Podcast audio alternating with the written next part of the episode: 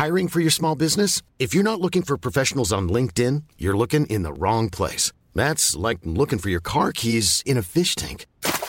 LinkedIn helps you hire professionals you can't find anywhere else, even those who aren't actively searching for a new job but might be open to the perfect role. In a given month, over 70% of LinkedIn users don't even visit other leading job sites. So start looking in the right place. With LinkedIn, you can hire professionals like a professional. Post your free job on linkedin.com slash people today. Ready to pop the question? The jewelers at BlueNile.com have got sparkle down to a science with beautiful lab-grown diamonds worthy of your most brilliant moments. Their lab-grown diamonds are independently graded and guaranteed identical to natural diamonds, and they're ready to ship to your door. Go to BlueNile.com and use promo code LISTEN to get $50 off your purchase of $500 or more. That's code LISTEN at BlueNile.com for $50 off. BlueNile.com code LISTEN. Hey, it's Paige DeSorbo from Giggly Squad. High quality fashion without the price tag? Say hello to Quince. I'm snagging high end essentials like cozy cashmere sweaters, sleek leather jackets, fine jewelry, and so much more. With Quince being 50 to 80% less than similar brands. And they partner with factories that prioritize safe, ethical, and responsible manufacturing. I love that. Luxury quality within reach. Go to quince.com slash style to get free shipping and 365 day returns on your next order. Quince.com slash style.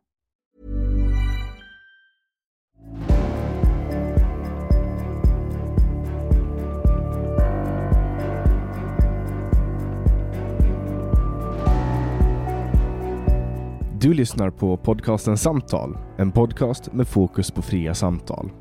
Den här podcasten presenteras av tidningen Bulletin. Om du vill få tillgång till samtal sju dagar före alla andra så kan du gå in på www.bulletin.nu och bli prenumerant.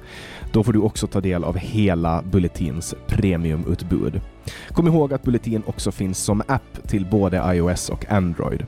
Länkar hittar du i beskrivningen till det här avsnittet eller på min hemsida www.samtal.ax. Jag släpper nya samtal alla onsdagar året runt och jag tar tacksamt emot tips ifall det finns någon du vill höra i podden. Idén bakom podden är att fokusera på fria samtal. Jag tror att öppenhet är grunden för det demokratiska samtalet och jag vill uppmuntra dig som lyssnar att exponera dig för samtal med någon du inte håller med. Jag heter Jannik Svensson och du lyssnar på podcasten Samtal. E.T. Persson är polis och har jobbat med grova brott och mordutredningar. Han började för några år sedan intressera sig för ufologi och driver numera podden UFO bortom rimligt tvivel. Välkommen till podcasten Samtal E.T. Persson. Tack. Jag tycker att, att dina initialer är så roliga. Mm. Oftast de flesta som känner mig kallar mig Thomas eller Tompa eller något sånt. Men visst, eh, E.T. Person är lite roligare. Ja, speciellt med tanke på vad du är intresserad av. Det står alltså för Erik Thomas Persson. Mm, stämmer. Och bara för att, göra det klart direkt, ufologi, är det en vetenskap eller är det populär Det är ingen kultur? vetenskap. Det, det närmsta som finns på i akademins värld är väl astrobiologi. Som är ganska nyttig också. Men eh, någon ufologi finns det inte i akademins värld än. Än, okej. Okay. Eh, och jag tänker att vi ska hoppa in på ufo-spåret snart, men först behöver vi bara avhandla eh, att du är polis, du har jobbat med grova brott och du har utrett mord. Mm.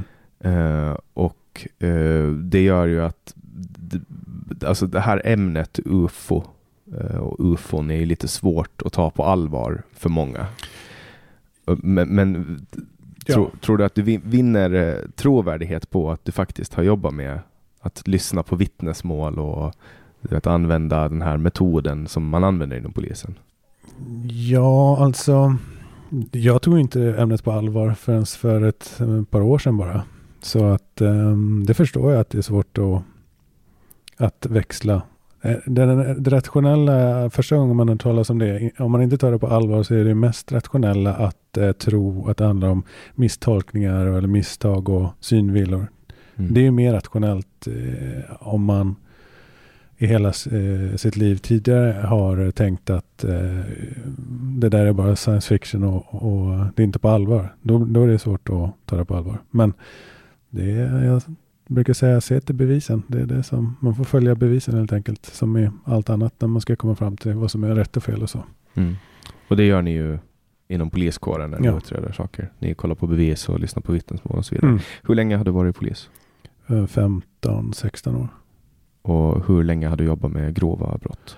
Ehm, vad kan det vara? 10 år.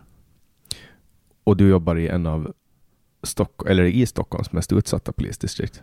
Ja, jag började i eh, Roslagens polismästardistrikt där jag åkte radiobil. Sen så var jag spanare i Västerort och jobbade med eh, ungdomsrån på den gamla så kallade ungdomsrånkommissionen. Um, och sen även jobbat med andra grova brott där. Uh, och uh, Västerort då um, är ju Ja, jag har jobbat i de norra delarna och eh, det är ju lite skillnad mellan Täby och Rinkeby. Det måste man ju säga. Mm.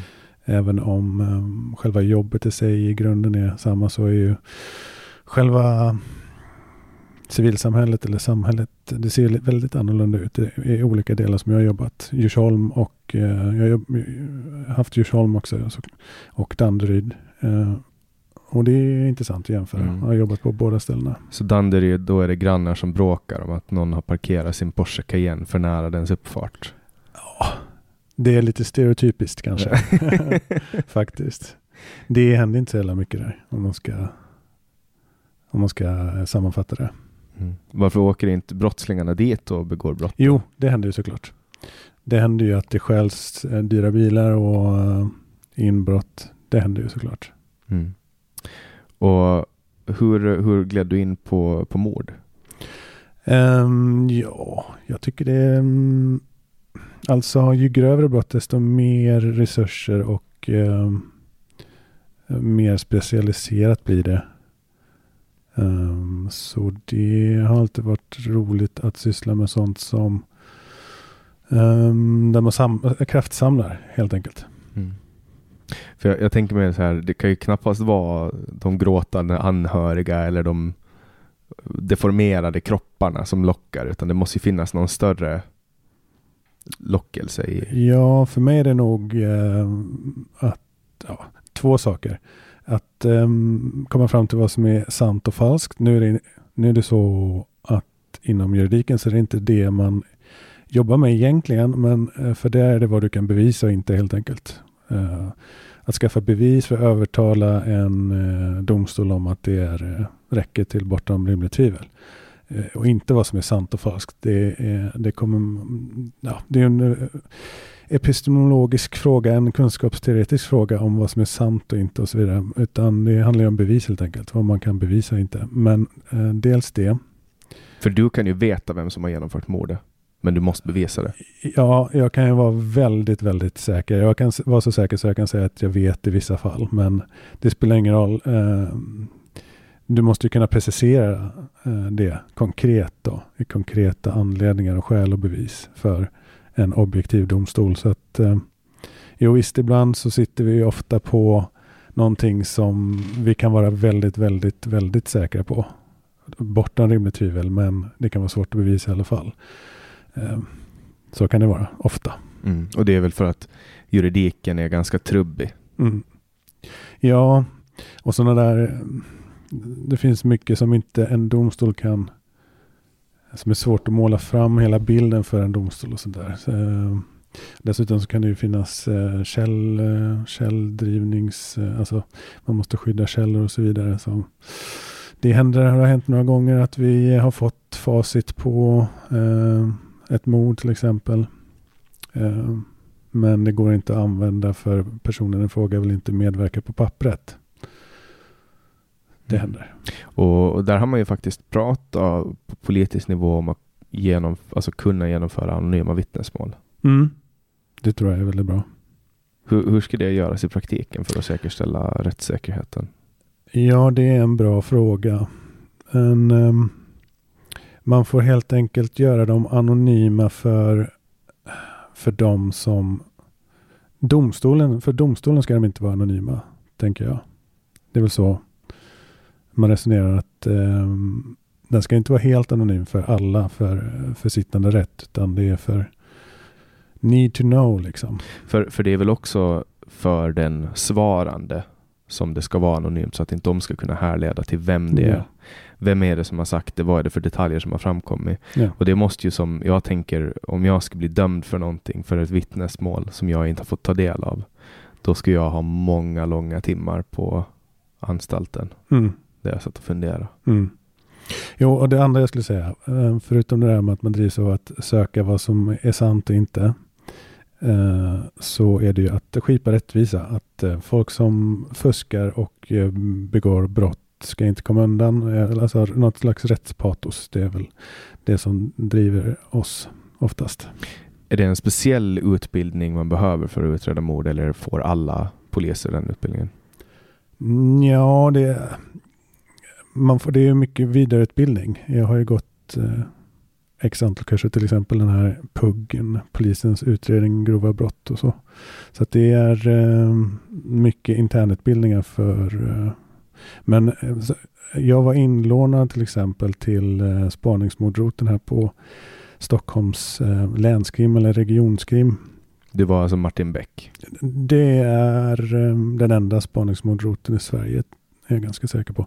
Ehm, där var jag en stund och det är ju, ja det är där som Martin Beck baseras på, ja. Mm. Stämmer. Och då, går du, då, då är det så här, typ, du sitter och dricker kaffe med, eh, med någon och så, och så får du något larm och så har du en så här grå kostym och så hoppar du in i en bil och så sätter du ut en så här saftblandare på taket. Och så kommer du dit och så visar du upp en Mm. bricka och, och då bara Jag tar över här, ni kan gå och göra någonting annat. Ja, Och så Kan- kör ni en så här gammal Volvo. eh, nej, men det är kanske snarare, jag var även med i något som kallas för kriminalinsatschefsgruppen.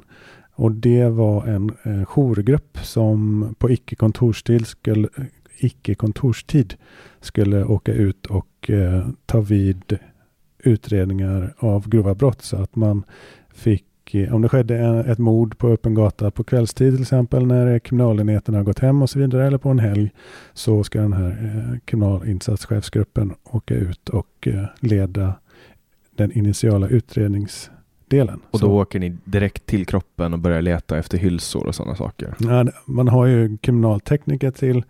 Det som skiljer mot film då är att eh, Martin Beck till exempel då, om vi tar honom, som, så gör ju inte han allt det här och Gunvar Larsson skulle aldrig springa in före piketen utan eh, det är ganska löjligt tycker jag när de sätter på Gunvar Larsson en skyddsväst så ska han springa före liksom. Det, det förstår väl alla att det är inte så det fungerar riktigt utan piketen skickar man in eller insatsstyrkan och, och så gör kriminalteknikerna gör det kriminaltekniska arbetet och så delar man upp det helt enkelt. Och, men när, när du kommer fram till en plats, då, då ligger det en kropp där. Det kan det göra. Och vad, vad är det första man gör när man kommer? Oftast så är kroppen iväg forslad eh, ganska snabbt av till sjukhus. För man dödförklarar oftast inte. Om det har skett ett mord så, så låter man ju Alltså om du ska vara säker på att den är, om du är helt hundra på att den är död så visst, eh, då kanske den ligger kvar lite längre men annars är det ju sjukhus som gäller innan man är säker, innan en läkare har eh, dödförklarat personen. Så att det blir oftast att de kropparna försvinner iväg till sjukhus. Men kör ambulanser döda personer? Inte om den är konstaterat avliden på platsen. Är, det är inte riktigt så det är tänkt. Utan då kan, då, om det är en konstaterat död person då kan, kallar man dit läkaren till platsen istället. Och kommer det alltid någon från en begravningsbyrå och kör? Eller hur funkar det? Politi, ja. En politibyrå. Vad är det för något? Det är de som kör. Är det, är, det, är det inte en myndighet utan det är en... Nej, det är väl privata aktörer nu. Ja, sedan ganska länge. Så vitt jag vet så var det väl privata aktörer sedan så länge jag har varit polis tror jag. Men kör de sådana begravningsbilar eller är det bara vanligt? Just det. Så de använder samma transporter för att köra en nyligen mördad person som de har när de kör någon, ett vackert lik till kyrkan? Bra fråga då. Ehm, mm, ja. Ja, nej, jag är osäker. Så, så när du kommer då till, till den här platsen, det är en person som, jag antar att det vanligaste är att folk är skjutna. Um, ja, det är det nu för tiden. Ja. Det var knivar uh, oftast förut. Men nu är det nog skjutvapen va? Mm. Så vad, vad är det första du, du gör då som kriminalinspektör?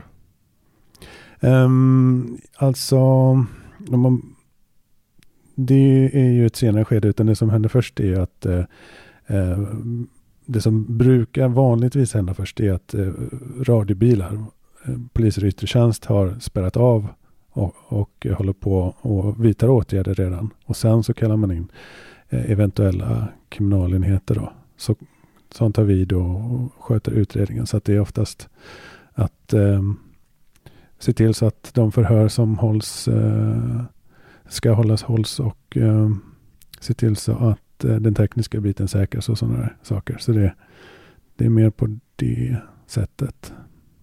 Just det. Inte så mycket pang-pang, tyvärr. Eller?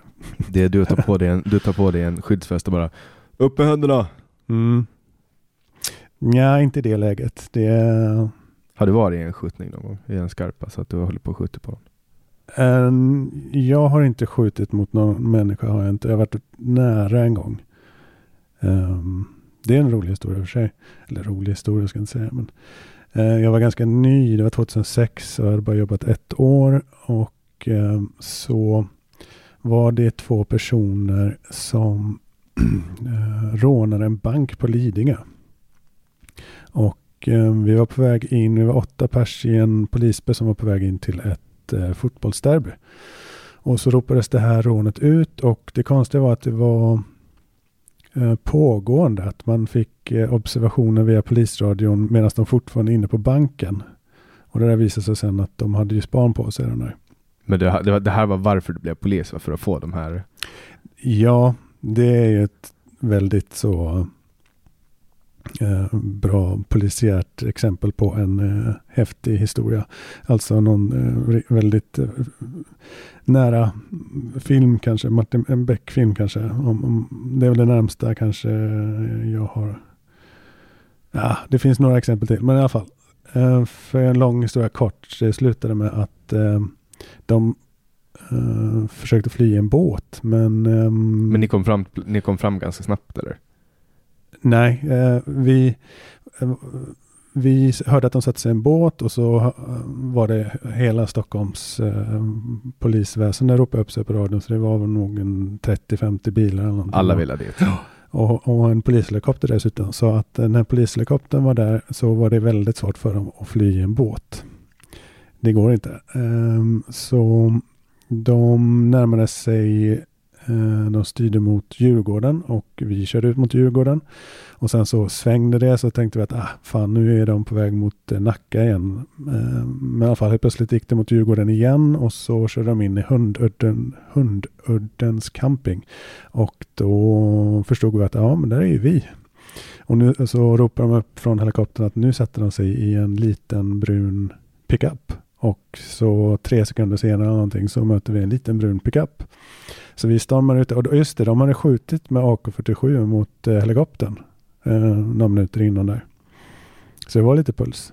Eh, de hade AK47 och sköt mot helikoptern. Och några minuter senare så står vi eh, front mot front med dem. Eh, men vi var ju åtta poliser som ramlade ut där i eh, skogsbrynet och de gav upp för vi var, vi hade det nog Ja, de, kom inte, de hade inte kommit förbi oss på den lilla vägen som är där.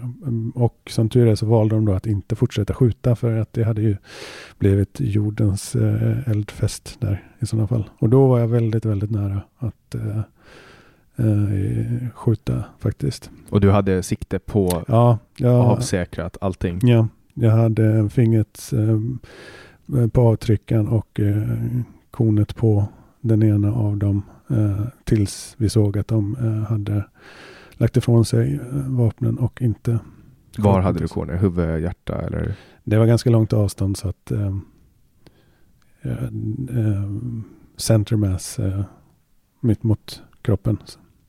Och då skjuter ni för att ni skjuter där ni träffar? Ja, risken var ju där att de skulle skjuta med AK47 och de skulle gå rakt igenom bussen. Det är inga problem med det vapnet. Utan det är, är ju eh, nödvändigt så du skriker om det i sådana fall.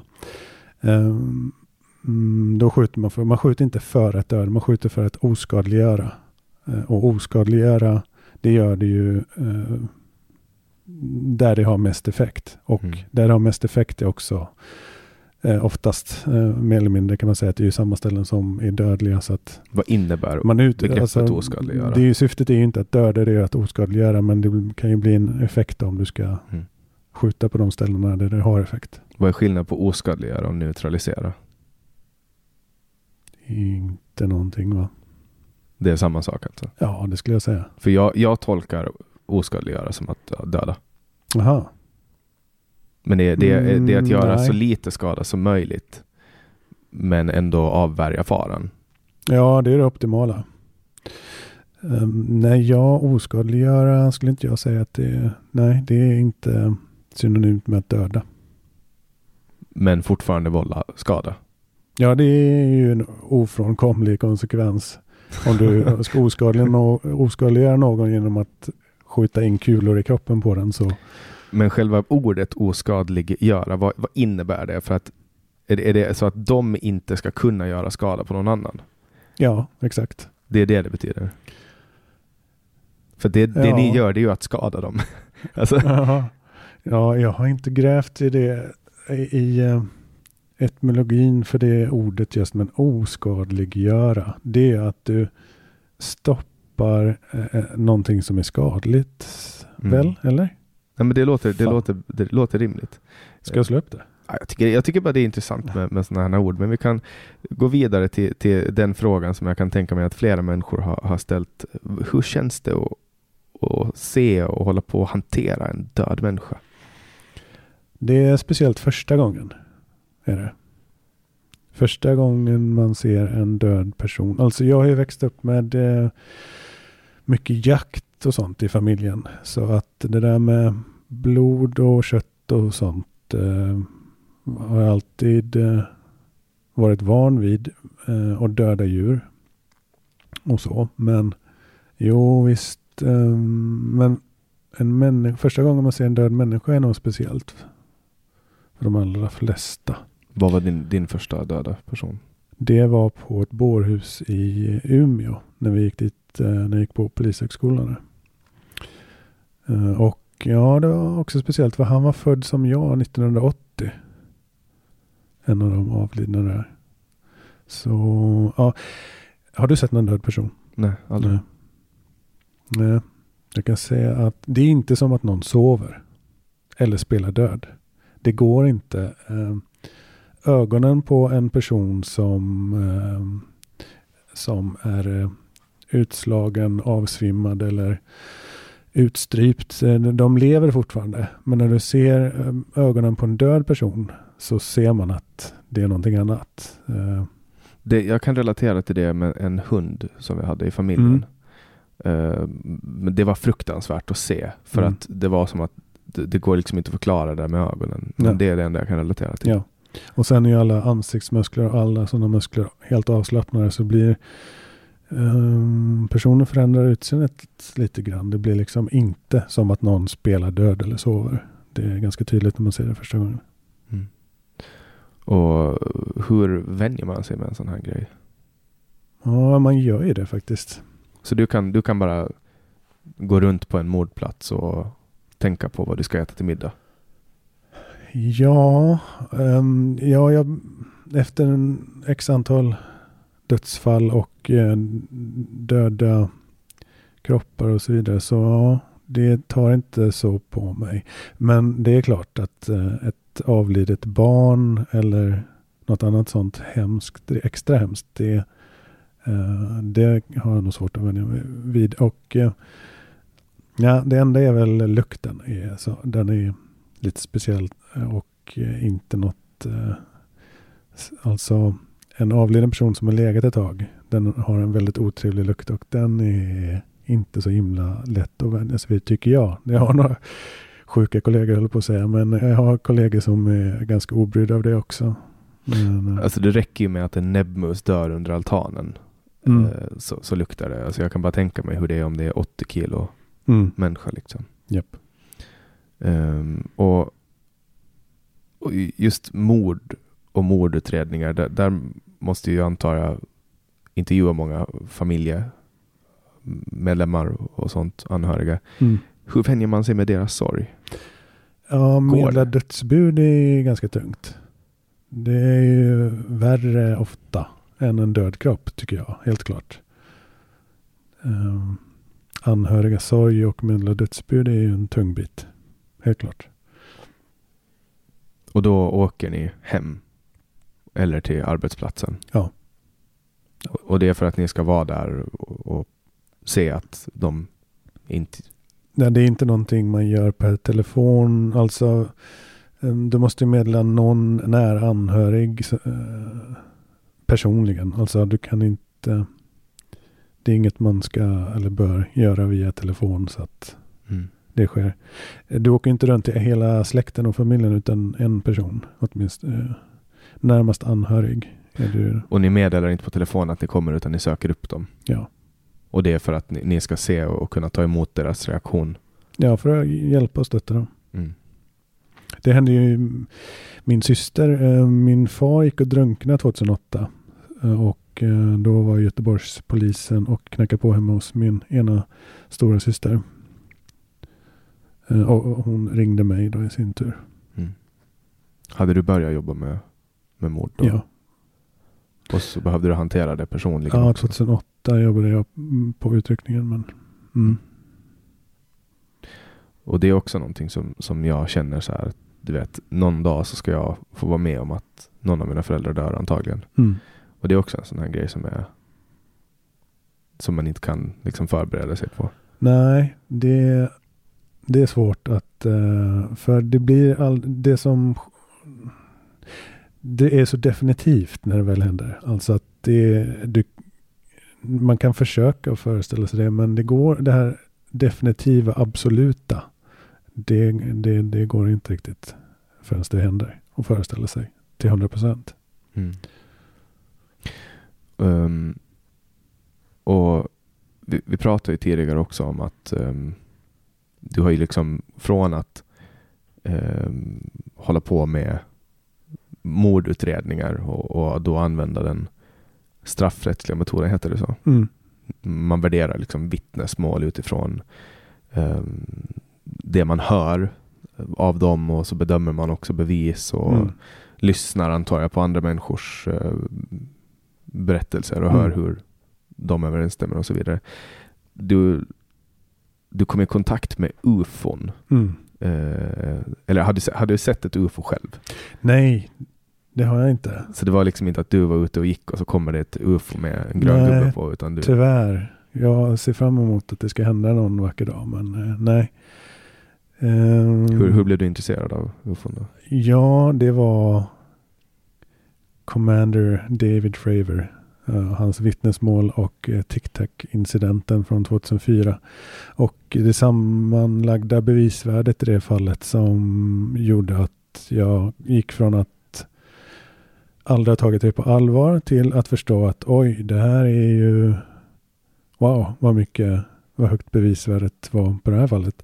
Och vem är, Mm. vem är han, killen och, och vad, vad är det här tic-tac-fallet? Mm, det är, jag har gjort en podd om det. Så att jag ska kunna göra ganska bra faktiskt.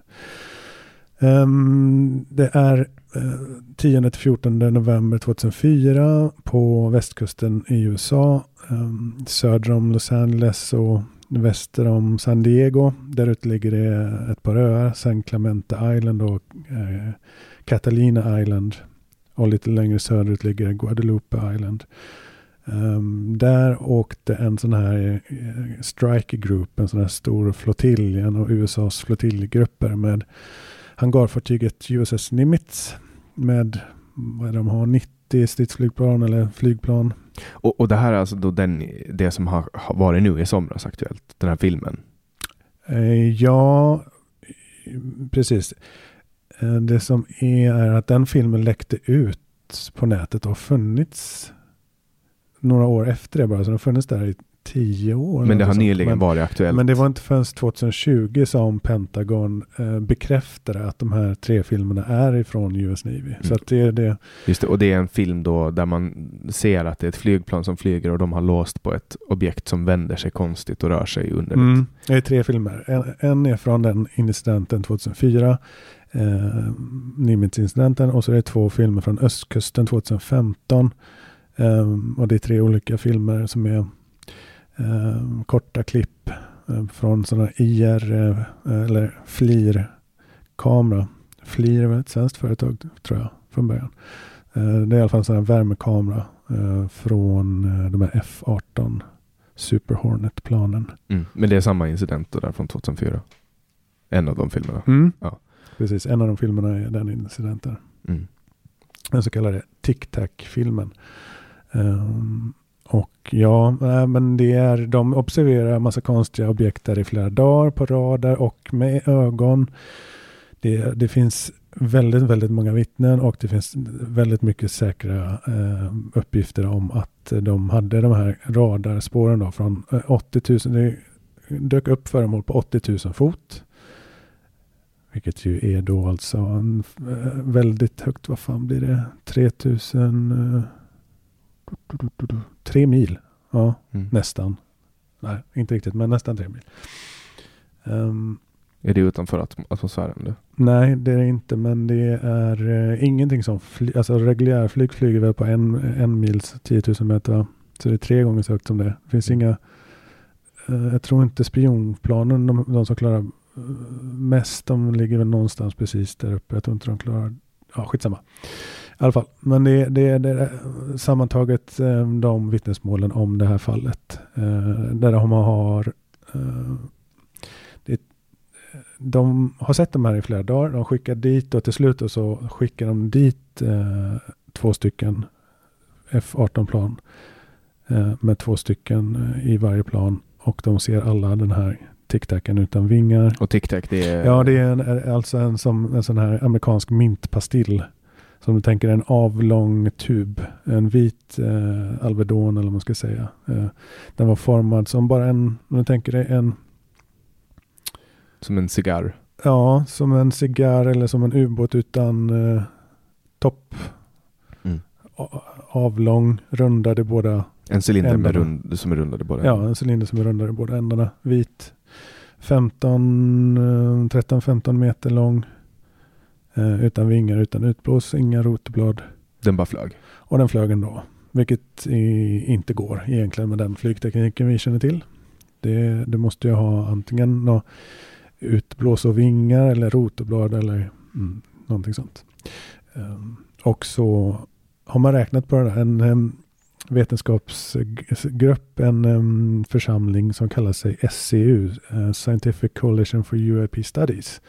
En massa vetenskapsmän och poliser och olika olika bakgrunder har um, ju fått lite mer eh, uh, data och info och räknat på det där och uh, den här tic-tacen kan man konstatera att uh, de här föremålen de, de visar upp massa saker som gör att uh, det är inte någon teknik vi känner till. Det är att de uh, till exempel då gick från uh, Eh, att de kommer upp och färdas på 80 000 fot i endast 120 knop. Det går inte. Det är alldeles för långsamt för att, eh, för att för det är för högt för en helikopter. Alldeles för, högt för en helikopter. Och flygplan kan inte flyga så långsamt på den höjden. Då faller de ner och störtar. Det, det går inte. Plus att de då rörde sig från 26 000 fot till havsnivå på 0,78 sekunder. Vilket gör att um, det är... Allt organiskt där inne ska explodera.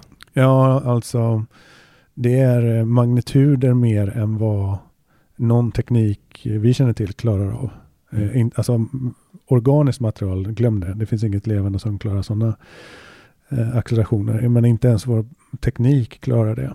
Eh, så det är någonting annat oförklarligt sätt att färdas som de här föremålen uppvisar. För de är ändå fysiska i och med att du har eh, kombinationen av du kan spoofa en radar till viss del. Alltså du kan, det kallas det, det är någon term du kan lura en radar till viss del. Kan du skicka in någonting som ser ut som ett föremål fast det inte är det. Men det kan inte vara så tydligt som de här de hade någon eh, slags ny radar som kallas för Spy One eller IGIS-systemet. Och eh, det var därför, det är ofta så att UFO-observationer dyker upp när amerikanska militären då till exempel uppgraderar sin utrustning. Då får de mer UFO-observationer och det här, är, det här fallet är en, ett exempel på det. Så att när, när de uppgraderar utrustning, då Mm. kommer det ufon och tittar? Ja, snarare att man ser saker som man inte har sett förut kanske. Ja, okej. Det är inte att, att ufon är intresserade, utan det är att... Jag kan inte svara på det, men det att jag skulle säga att det är att man har man ut, ser med ny teknik så ser du saker som du inte kunnat se innan. Och den här eh, Spy One-radarn då är ett sådant exempel på att de hade just eh, den var ganska nyimplementerad när den här händelsen inträffade och det har hänt vid andra tillfällen också att när de uppgraderar sin utrustning så får de eh, nya UFO-observationer. Ehm, ja, och ehm, grejen med det där är att det är inte en, en, en stridspilot som med eh, väl ansedd, eh, nästan som en hjälte, den här David Fravor, som var chef för den här skvadronen, eh, utan de är fyra par ögon som ser samma sak. Plus då radar. Sen åker de och landar och eh, nästa plan åker upp och eh, hittar en av de där och får det på film då. På den här IR-filmen. Och eh, det han har filmat där, det har man räknat på att den accelererar eh, med någonting som motsvarar tiotusentals kilometer i timmen och eh, eh, G-krafterna är beräknat på om den här eh, 15 meter stora farkosten skulle väga ett ton så är det minst 1000 G-krafter. Eh, 5000 G-krafter troligen. Så att, 5000, alltså 5000 gånger vikten på Mm. allting som är där inne. Ja, Det ska ju förstöra äh, metall. ja. Nej, Det, det, är, krossa allting. ja, det är helt enkelt inte traditionell eh, typ av eh, transport de sysslar med utan det är någonting annat. Och då finns det många teorier. Den eh, ledande teorin skulle jag säga bland eh, de fysiker och, och ehm, eh, vetenskapsmän som har som faktiskt eh, det finns rätt gott om vetenskapsmän inom ufologin just nu och det växer och växer. Och de som har räknat på detta, det, de säger att det här kan inte handla om vanlig transportteknik utan det måste vara någon form av eh, böjning av rumtiden. Det är alltså inte USAs militär som har utvecklat någonting som de håller hemligt då. Nej, Nej det, det finns ingenting, inga konkreta omständigheter som tyder på det. Det finns ingen konkret anledning att tro det. Och nu är det dessutom så att eh, de här höga eh, före detta anställda som inom DOD, inom försvaret, som numera jobbar med den här frågan. Till exempel Luis Elizondo som var chef för eh, UFO-forskningsprogrammet ATIP. Han eh, har en tidigare karriär som eh, eh Um, han jobbade med översikt av de här Special Access Programs. Alla hemliga projekt i USA kallas för Special Access Program. Och, och, och han har jobbat med att ha översikt över de där. Och Chris Mellon som också har eh, varit eh, Deputy of Secretary of Defense, alltså eh, näst under försvarsministern. Han har också varit ansvarig för översyn av sådana här Special Access Program och alla säger att det här är inte amerikansk teknik. De har kollat, det här har ju, alltså vi ska komma ihåg att det här ufo-fenomenet är, vi kan gå tillbaka långt i historien, men, men det har hållit på sedan andra världskriget. Det finns jättebra observationer från andra världskriget och framåt och att eh, USA, Kina eller Ryssland skulle haft den tekniken, är, det är helt uteslutet. Det finns ingen anledning att tro det, så därför bör man inte tro det. Uh, och alltså det har ju funnits perioder i, i te, alltså så här, om, om vi bara, bara för att göra en, en enkel, enkel sak. Vi bara hoppar tillbaka till början på 1800-talet. Mm. Eh, och så ska man då ta en modern ubåt och, och så skulle britt, ja, franska armén få förfoga över den här ubåten på 1800-talet. Då skulle ju den ubåten vara så framgång, alltså den skulle vara så överlägsen att den skulle, den skulle, den skulle erövra hela världen. Precis. En ubåt. Ja. Uh, och det är bara 200 år bak i tiden. Liksom. Mm. Eller 200. Att om man ska åka in i framtiden och hämta en ubåt och ta den bak 200 år så ska man liksom kunna här i världen. Uh, kan det vara så att de här ufona bara är liksom en, alltså vi människor som har, har vet, från framtiden som, som reser genom tiden? Det är en teori. Det finns till exempel, jag hörde att Ross Coulthart, eh, Australiens eh, kanske mest kända journalist, eh, mediajournalist, ehm, han var på deras CBS 60 Minutes, finns det i Australien också. Där jobbar han och eh, han har skrivit en ehm, bok om ufon nu, eh, In Plain Sight tror jag den heter. Som man nog ska ta och läsa för den verkar väldigt bra.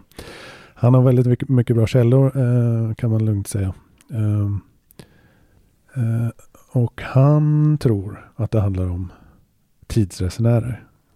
För, för, säger han. Men han vet inte. Det är bara hans gissning. Och, ehm, för jag menar, det är ju inte så här, det som för 200 år sedan var omöjligt för, för, för människan att tänka sig. Alltså jag menar, på 1700-talet. Man var ganska sofistikerad i tanken. Liksom. Eller slutet på 1700-talet, början på 1800-talet, 200 år sedan.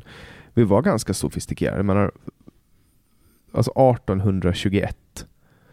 Eh, det fanns många stora tänkare. Det är klart att rent politiskt och samhällssystemsmässigt så var vi ju väldigt långt från vad vi är nu. Men, men vi hade ändå liksom de, de största tankarna hade redan tänkts. Liksom.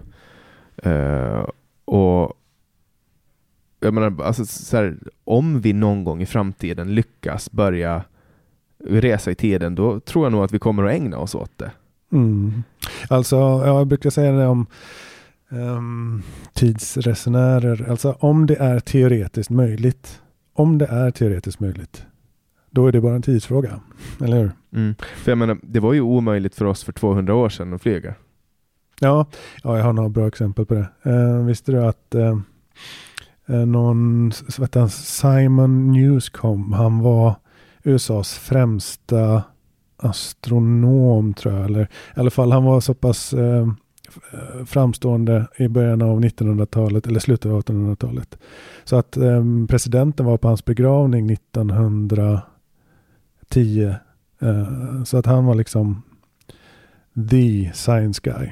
Han sa, skrev om att flygmaskiner och flygplan, det var helt meningslöst att slösa tid på. Det sa han något år innan bröderna Wright eh, flög. Så, och så där har vi hållit på. Vi har sagt att det ena med det tredje är omöjligt och sen så, sen så har man lyckats liksom.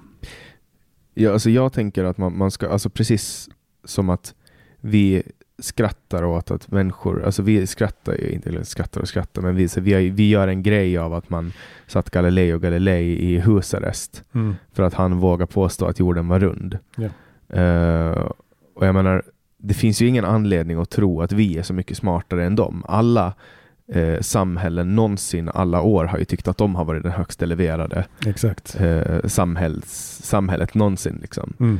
jag kan tänka mig att det där, alltså på samma sätt som att man på 80-talet tyckte att vi var fr fruktansvärt högteknologiska, mm. men idag när vi kollar på 80-talsteknik, alltså idag köper man det som kostar så 300 dollar i en eh, teknologi, teknologibutik, då kan man idag köpa på en loppis för eh, fem öre. Mm, Sony Walkman. Alla hade senaste Sony Walkman. Den här gula gamla mm. 80-talsbandspelaren. Internet var liksom inte ett ämne ens. Tänk bara på den skillnaden. Nej, det där är, det, men det är svårt att inse att eh, man är dum. Det är svårt för oss människor att förstå att eh, om 100-200 år så kommer man skratta åt eh, vad vi trodde att det fanns för begränsningar och så vidare. Så, att, mm. så nu, när, nu när iPhone 13 just har släppt så det är den coolaste delen mm. som finns. Tänk om 15 år när vi kollar på den där. Ja. Eller bara om tre år, fyra år, den som håller kvar vid en en gammal iPhone, mm. uh, kommer ju då, en gammal iPhone 13 kommer då att vara liksom, uh, ja, har du den där gamla tegelstenen liksom. Exakt. Ja, men det är klart att vi är helt blinda, precis som tidigare generationer har varit, för vilka framsteg eh, som kommer att ske i framtiden. Uh, Ja, jag vet inte. Om, som sagt om tidsresor är teoretiskt möjligt så är det bara en tidsfråga. Säg, okej, okay, det kanske inte händer om tur. Det var ganska bra. Om tidsresor ja, jag säger det. En tidsresa. Ja, du hörde inte den första gången. Så. um, nej, men det kanske inte är möjligt om tusen år. Det kanske tar 10 miljarder år. Ja. Men när det väl är möjligt, då, då är det inte osannolikt att de kommer hit och tittar på oss. Liksom. Ja. För jag menar, det kan ju också vara så, eh, nu, nu, nu är jag helt ute, alltså det här är ju en, jag, jag tycker att det här är jättespännande och, liksom hålla på, sitta och fundera på, men, men alltså det kan ju vara så att, att, eh, att vi är här och liksom correctar mistakes. Liksom vi har insett att ja, men shit, det här kanske inte var så bra, nu åker vi tillbaks. Men bara för att gå tillbaks till, till det som hände. Då, får hände... man, då får man det där med parallella tidslinjer, den gamla klassiska tillbaka till framtiden paradoxen. Med att om du reser tillbaka och ändrar någonting så ändrar du ju förutsättningarna för att... Ja, ett annat, ja, butterfly-effekt. Ja. Men, men, för att hoppa tillbaka till den incidenten då, eh, 2004 utanför Los Angeles. Mm. Eh, vad, vad var det som hände där som fick dig att bli övertygad om att det här var real? Den sammanlagda bevisningen helt enkelt. Och vad var det som hände? De, de, de såg de här sakerna på, flög upp och tittade på dem med flygplan? Ja, det, precis. Det, det finns några vittnen som ser det från däcken på, ombord på några av de här fartygen. Eh, de ser dem på radarn under flera dagar. Eh, de stänger av och startar om radarsystemet bara för att bli säker på att det inte är några fel på radarsystemet. Men det är det inte. De skickar dit eh, flygplan. De skickar faktiskt dit en eh, löjtnant Slate som eh, också bekräftar att det var någonting som syntes under vattnet. Sen så eh, skickar de dit David Fravor och ehm, eh, Dietrich, eh, två plan med fyra, fyra totalt då, fyra ögon som säger samma sak samtidigt. Och eh, radar som bekräftar det och sen ett senare plan som filmar de här föremålen. Men ja, det där fallet det är väl det. Jag hävdar att det är det. Claes Svahn håller inte med. Men jag, och vem är Claes Svahn? Det är väl Sveriges enda kända ufolog. Och vad, vad gör han? Alltså, ja, Um, han är numera vice ordförande för UFO Sverige. Han var mångårig han var ordförande i många år. Nu är han ordförande för Archives for the Unexplained. Världens största arkivex som ligger i Norrköping.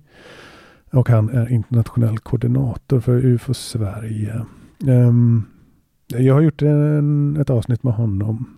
En diskussion där vi diskuterar och bråkar lite och sådär. Nej, inte bråkar, men vi debatterar lite och diskuterar. Men han är Sveriges enda kända ufolog.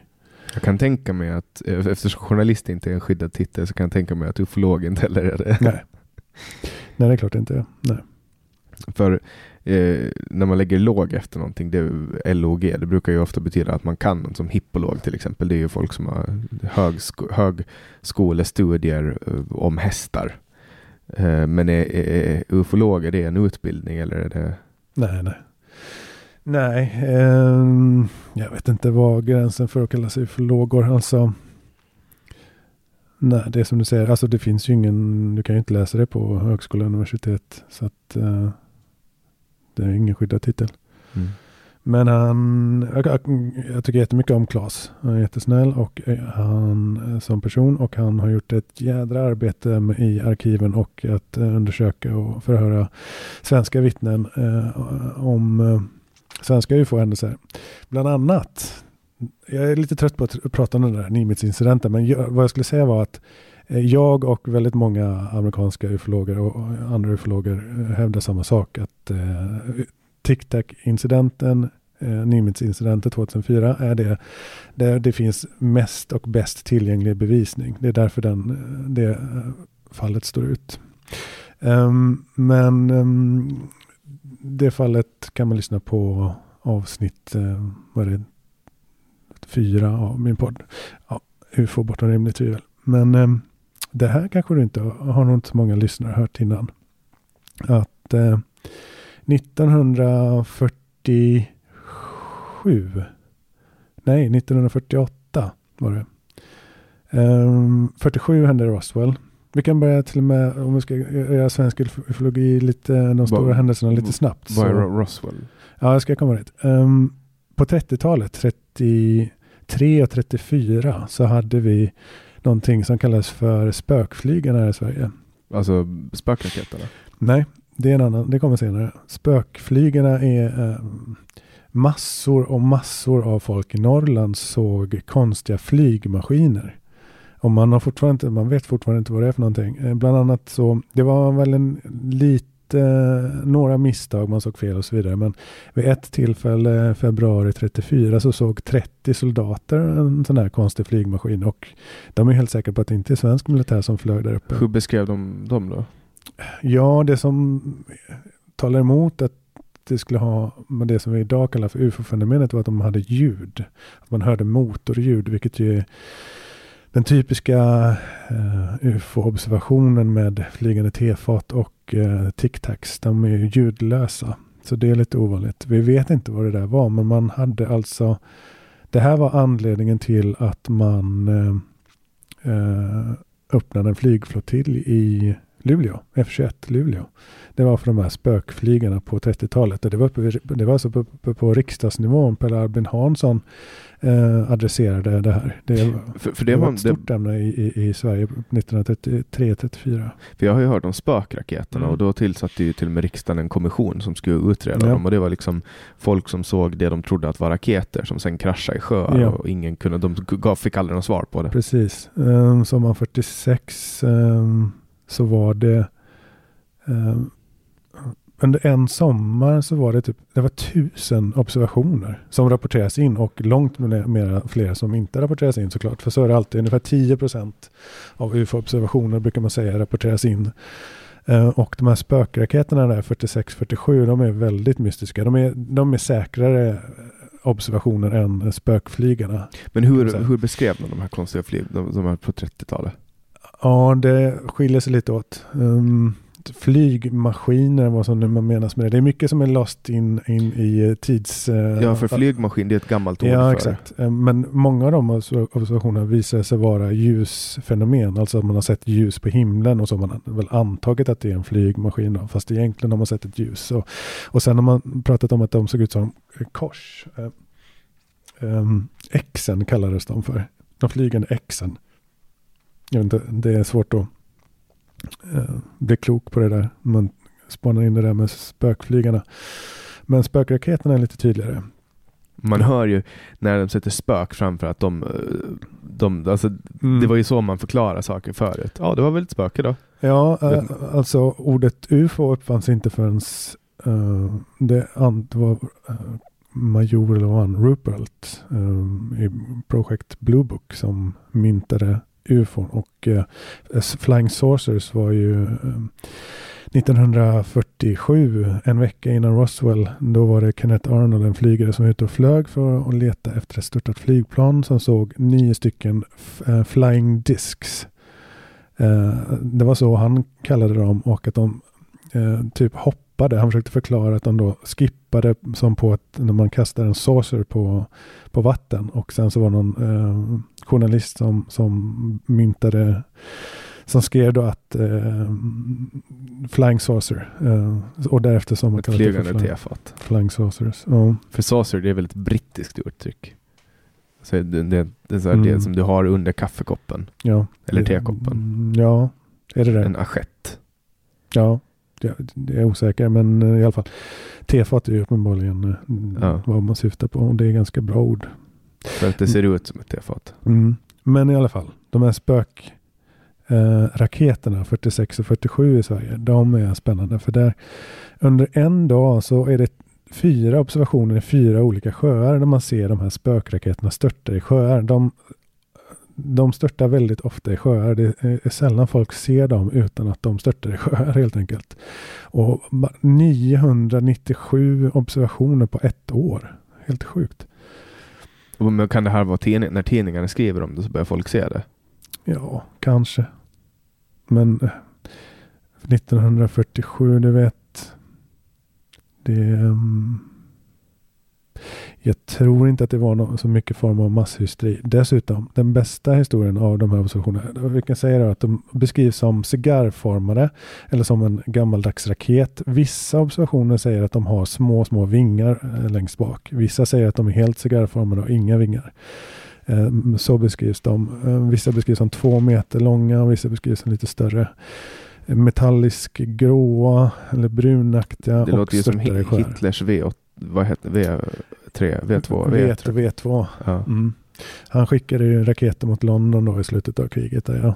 Ehm, som han kunde skicka någon ton eh, dynamit i de där sprängmedel.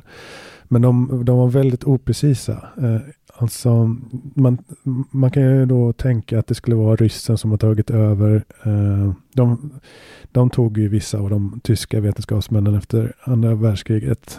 Eh, några av dem togs till USA genom operation Paperclip där man tog Werner von Braun är det mest kända exemplet och nazisten von Braun var den som var ingenjören bakom Apollo eh, månlandningen och Apollo-projektet. Och, men många av de vetenskapsmännen hamnar i Ryssland. Och kan man tänka det är två år efter att de ska ha börjat bygga ryska V1 och V2 eh, raketer. Men hur, varför skulle de flyger de över Sverige och störtar i sjöar? Det, och dessutom så svänger de. Och, eh, men vad ska jag komma till? Det, det roligaste observationen med spökraketerna är att vår våran ÖB på den tiden hette Helge Ljung.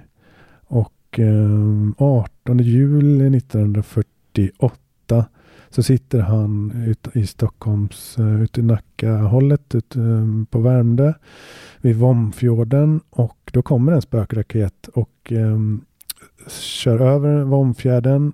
Uh, han beskriver det som att det är som att han får syn på Vomfjärden och bestämmer sig för att störta där.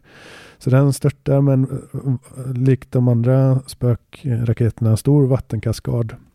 Så då har alltså en sån här spökraket störtat framför ögonen på vår dåvarande överbefälhavare. Det är ju helt... Det Det är bisarrt. och han har vittnat om det här alltså? Ja, ja. ja absolut. Och ehm, Men man kom aldrig fram till någonting med spökraketerna? Det bara rann ut i sanden eller? nej, ehm, det finns inget svar, eh, känt svar på den gåtan. Men det roliga där med eh, överbefälhavaren eh, Ljung eh, det är att han antecknar i sin dagbok också. Det här. Det, han skriver att det var, det var en sommardag då, 18 juli och klockan var 11 så det var mitt på blanka dagen.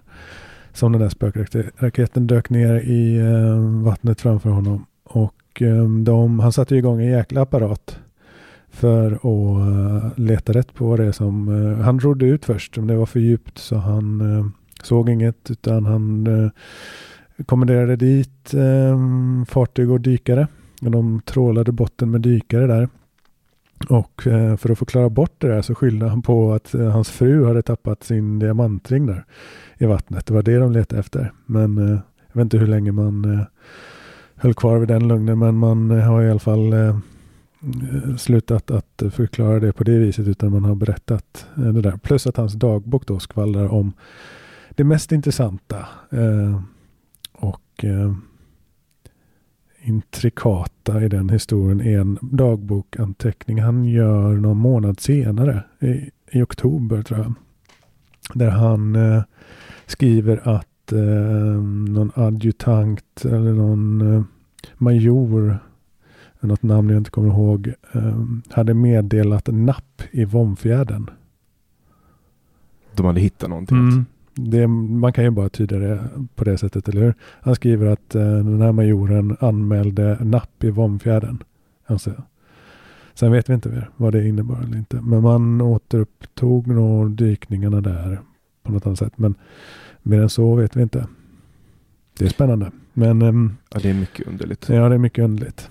Men, men uh, vi pratade lite om hur du kom att börja tro på, uh, på ufon. Det var ju den här Nimitz-incidenten. Ja, bevisen helt enkelt. Finns det någon annan övertygande incident? Eller? Ja, oh ja. Hundratals, tusentals. Du nämnde någonting om, om Roswell. Mm. Ja, alltså det, när man börjar gräva i det där så märker man att oj, till exempel år 1997 flög det ett stort, alltså ett kilometer stort vidunder. Ett, eh, om du tänker en bumerang med skarpa kanter. En sån form flög över ett par delstater i USA bland annat över staden Phoenix då. Man uppskattar att 20 000 människor såg det där. 800 ringde och rapporterade.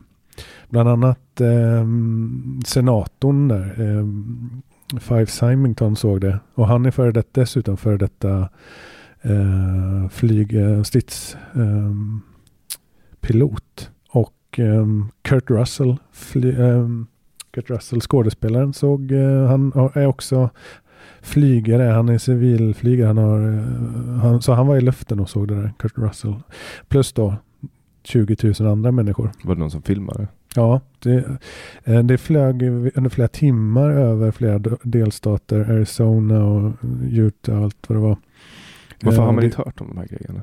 Jag har inte hört det, om det. Nej. nej. Jo, alltså. Jag skulle rekommendera, om man vill ha snabbkurs så rekommenderar jag James Fox dokumentärer. Han har gjort eh, tre stora kända dokumentärer. The Eh, Phenomena. eh, ja, det är den senaste och bästa. Och den eh, finns att köpa. Annars så finns det ju Out of the Blue eller I know what I saw. Han gjort innan dess. Eh, han är extremt trovärdig och duktig och gör bra dokumentärer. Så vill man ha en snabbkurs så finns alla de här stora händelserna där. För jag har Men- sett, alltså de- den Phenomena går igenom, där, går, där får man ju veta om, om ehm, eh, Roswell. Och det är ju något, då, det menar de ju att då är att det har kraschat ett UFO, man har hittat det, man har gått ut med det i media, men sen har de fått kalla fötter och dragit tillbaka uttalandet och sagt att det var en ballong istället. Ja. Och det här var väl på 40-talet? 1947. Um, första eller andra juli. Det hittas där en, en tredje, fjärde. Eh, lite oklara uppgifter. Mac Purcell, uh, rancharen, eh, cowboyen som hittade det där på, eh, på sin, eller inte sina ägor men på en farm där. Han är fårfarmare och eh, ser det där konstiga. Vet inte vad det är för någonting. Sen så, det här är alltså eh, ett par dagar efter. Hela New Mexico har sett de här flying discs. Det är eh, sådana här eh, eh, craze kallar de det i USA. Så att folk har sett flygande tefat till höger och vänster där veckorna innan. Eh, så när han hör talas om det där så förstår han att ah, det var kanske det som jag har sett som har kraschat här. Så han tar med det där. Det här är verkligen snabbversionen. Ehm, men i alla fall. Eh, de tillkallar sheriffen som tillkallar chefen eh, på flygflottiljen, 509 flygflottiljen i Roswell. Det är alltså världens första atomvapenbestyckade flygflottilj som råkar ligga i öst där i Roswell. Det är alltså samma flottilj som bombade Hiroshima och Nagasaki. Ehm, så de vet nog vad de gör. Eh, och de skickar ut eh, Jesse Marcel eh, som är ehm, ehm, informations... Vad heter det? Uh, ja, han jobbar med in, in, underrättelseofficeren, underrättelseofficer och för flygvapnet. Så han säger att han har ju sett allt som går. Alltså han har koll på vad som flyger i luften och inte. Han, känner, han har aldrig sett något liknande. Han uh, tar med sina bitar och visar för sin familj, sin son och sin fru eh, av ett konstigt material som ingen än, länge, än så länge har kunnat förklara.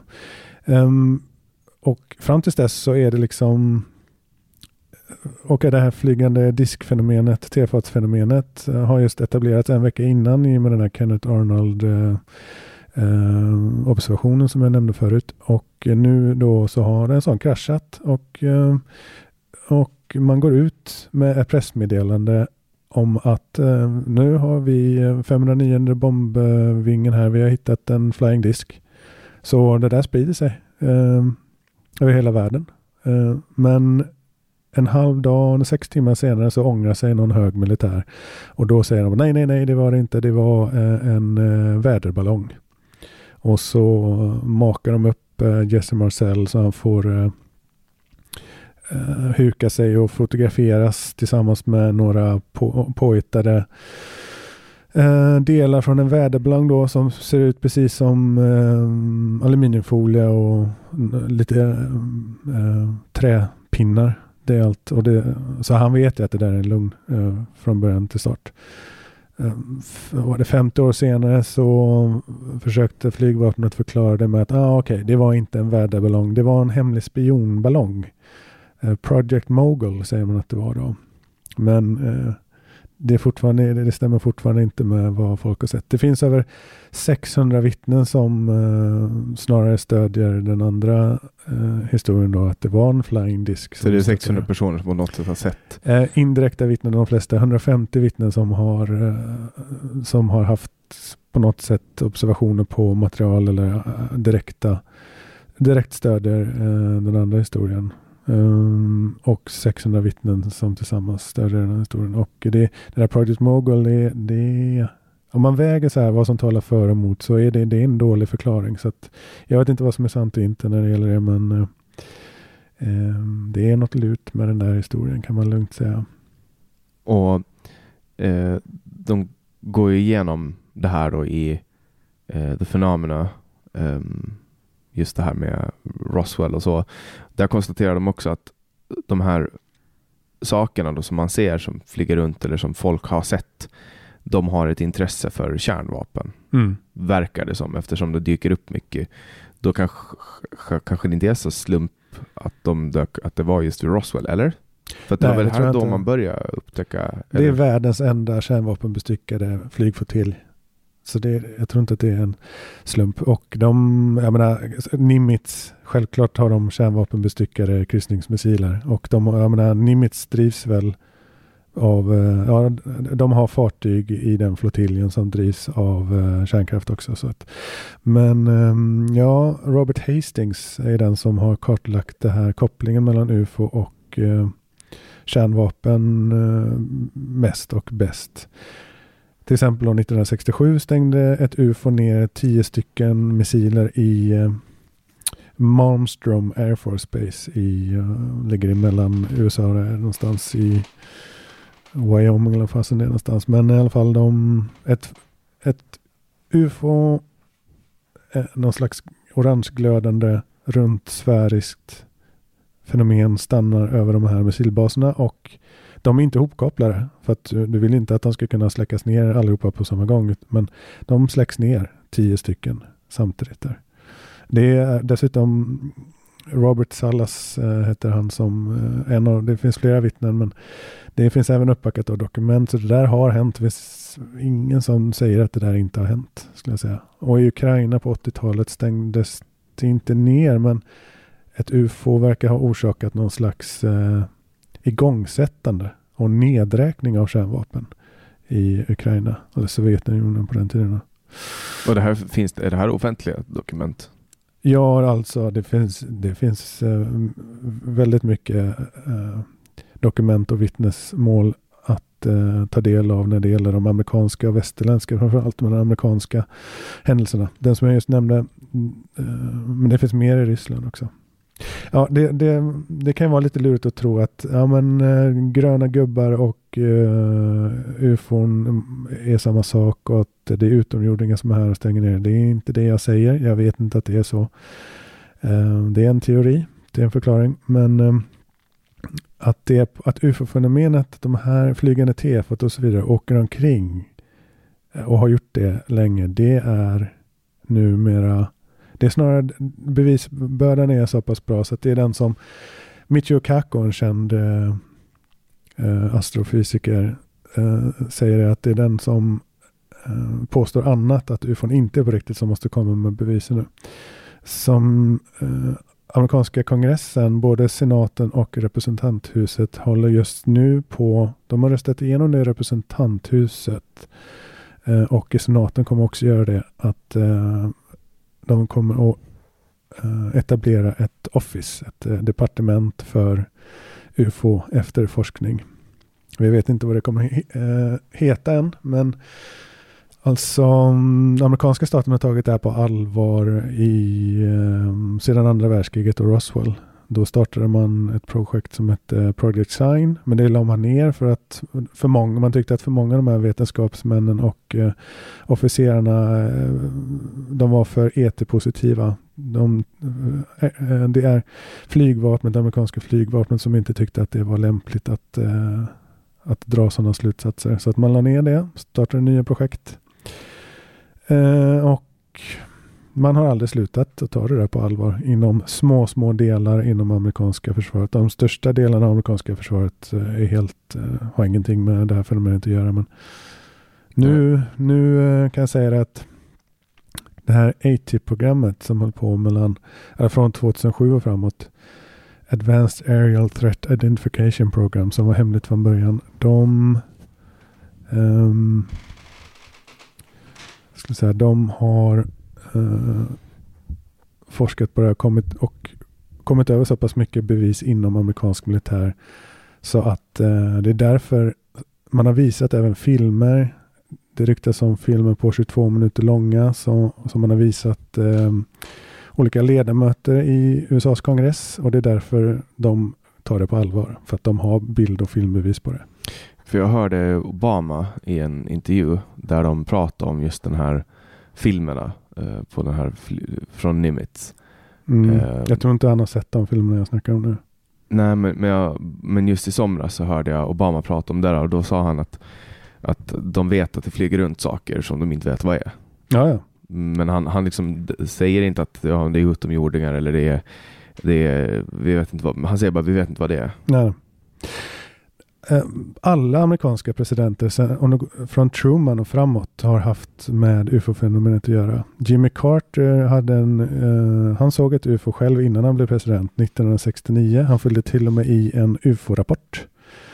Um, Ronald Reagan såg ufo vid två tillfällen. En gång innan han blev president och en gång när han flög i, när han var president. Bill Clinton var nästan besatt av ufo-frågan. Han skulle ju verkligen uh, vända upp och ner för att ta reda på det där. Men när han blev president så blev han, jag pratar inte så mycket mer om det sen. Um, Jimmy Carter var väldigt engagerad i en händelse i, mm, i uh, Detroit-trakten i eller var var det någonstans? Ja, skitsamma. Um... Men, men där säger de i den, i fenomena så pratar de ju om att en president inte alltid får tillgång till det som är högst hemligstämplat i uh, den offentliga apparaten i USA på grund av att de byts ut uh, vart femte eller vart, ja. eller vart fjärde eller vart åttonde år. Ja, det ryktas om det att just den här frågan är, um, vi vet, det här vet vi att George, gamla George eh, Bush, pappa Bush, han var ju chef för CIA eh, när eh, Carter var eh, president.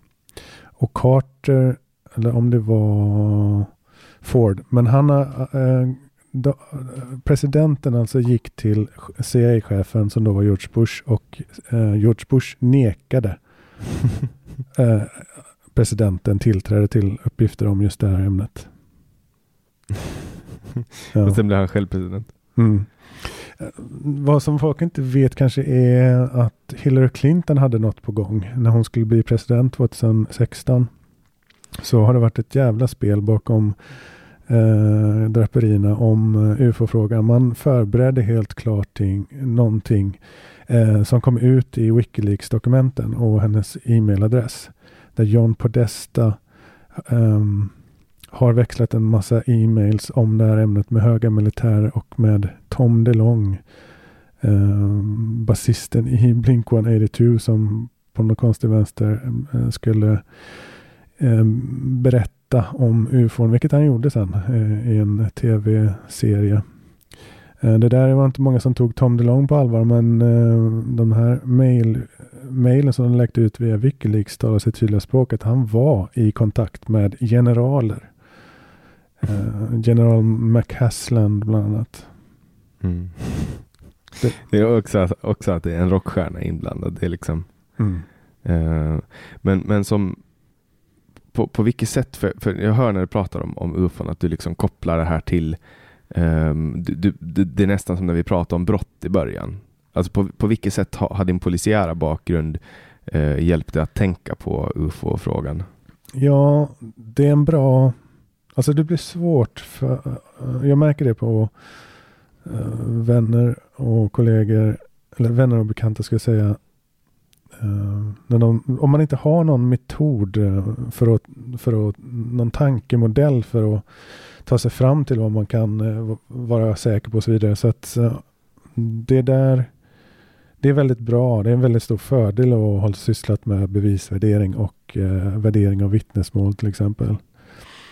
En snabbkurs om vittnesmål som jag brukar säga är alltså att en domstol tittar, bedömer ett vittne utifrån två parametrar. Det ena är eh, tillförlitlighet och det andra är trovärdighet. Trovärdighet är helt enkelt hur, hur trovärdig personen verkar. Alltså om den kan berätta detaljer, om den inte verkar undvikande. Mm, de flesta människor förstår instinktivt vad trovärdighet är. Och det andra då, tillförlitlighet säger också sig självt lite. Är det någon som vittnar om någonting de har sett så spelar det roll vad de har för syn. Eh, vad har de för utbildning, erfarenhet och så vidare. Eh, de parametrarna måste man titta på. Och det, det, är mm, en bra metod helt enkelt för att kunna värdera eh, eh, vad, hur säker man kan vara på olika saker och vittnesmål. Och de här stridspiloterna, deras trovärdighet och tillförlitlighet är ju verkligen så bra de kan bli skulle jag säga. Alltså de, de ska ju bränna sitt anseende om, om de åkte fast för att ljuga. Precis. Så att de riskerar ju det. Är ganska, det är ju hög, hög risk. Liksom. Ja. Men, men eh, hur, hur bemöter folk dig då när du är polis och pratar om de här sakerna? Ja. Alltså skillnaden är om man har satt sig in i det. För, för nybörjare på det här ämnet så kan jag rekommendera att um, lyssna inte på någon som inte har satt sig in i det här. Man måste, man måste spendera ett par hundra timmar skulle jag säga och vänja sig vid den här tanken på att det faktiskt är på riktigt. Vi vet att det är på riktigt. Det är inte några synfel eller fin, äh, feltolkningar eller sånt där. Men tycker och, folk att du är dum i huvudet och sånt? För att, jag vet inte, kanske. För jag menar, folk, det finns ju folk som tror, alltså du vet kyrkan och går i kyrkan och sånt. Mm. Och, och det finns ju betydligt mera bevis för att ufon finns än att Gud finns, om jag förstår det rätt. Ja, det här handlar om bevis. Det, handlar, det är det det handlar om. Alltså om, om man ska och, krasst eh, använda Religion sig. handlar om tro och inte bevis. Ja, men, men jag, jag tänker att många för, förväxlar liksom att man tror på ufon. Mm. Ja, jag, jag använder inte den termen för Eh, Eh, det är bevisen det handlar om helt enkelt. Vittnesmål. Ja, så ska man ju vara noga det här då. Alltså vissa tror att bevis betyder är samma sak som proof. Men eh, bevis är bättre översatt till evidence. Det, det beror på. Alltså man måste alltid ha en begreppsförklaring när man ska diskutera de här sakerna. Och det är en fördel om man kan sin kunskapsteori eh, också. Och läst lite filosofi eh, och kan liksom vad, vad kunskap är för någonting och vad sanning är för någonting och så vidare.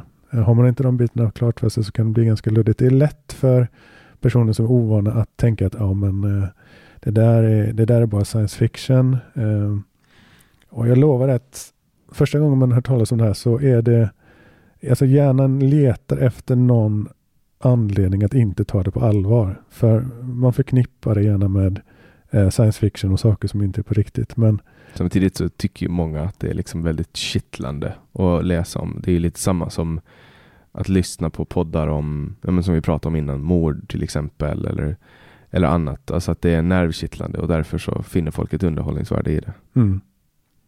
Jo, det är så. Det, är, det här är ju tidernas fall. Alltså det här är, det här är det har många implikationer för, tycker jag. Det är väldigt intressant och uh, finns väldigt mycket att gräva i.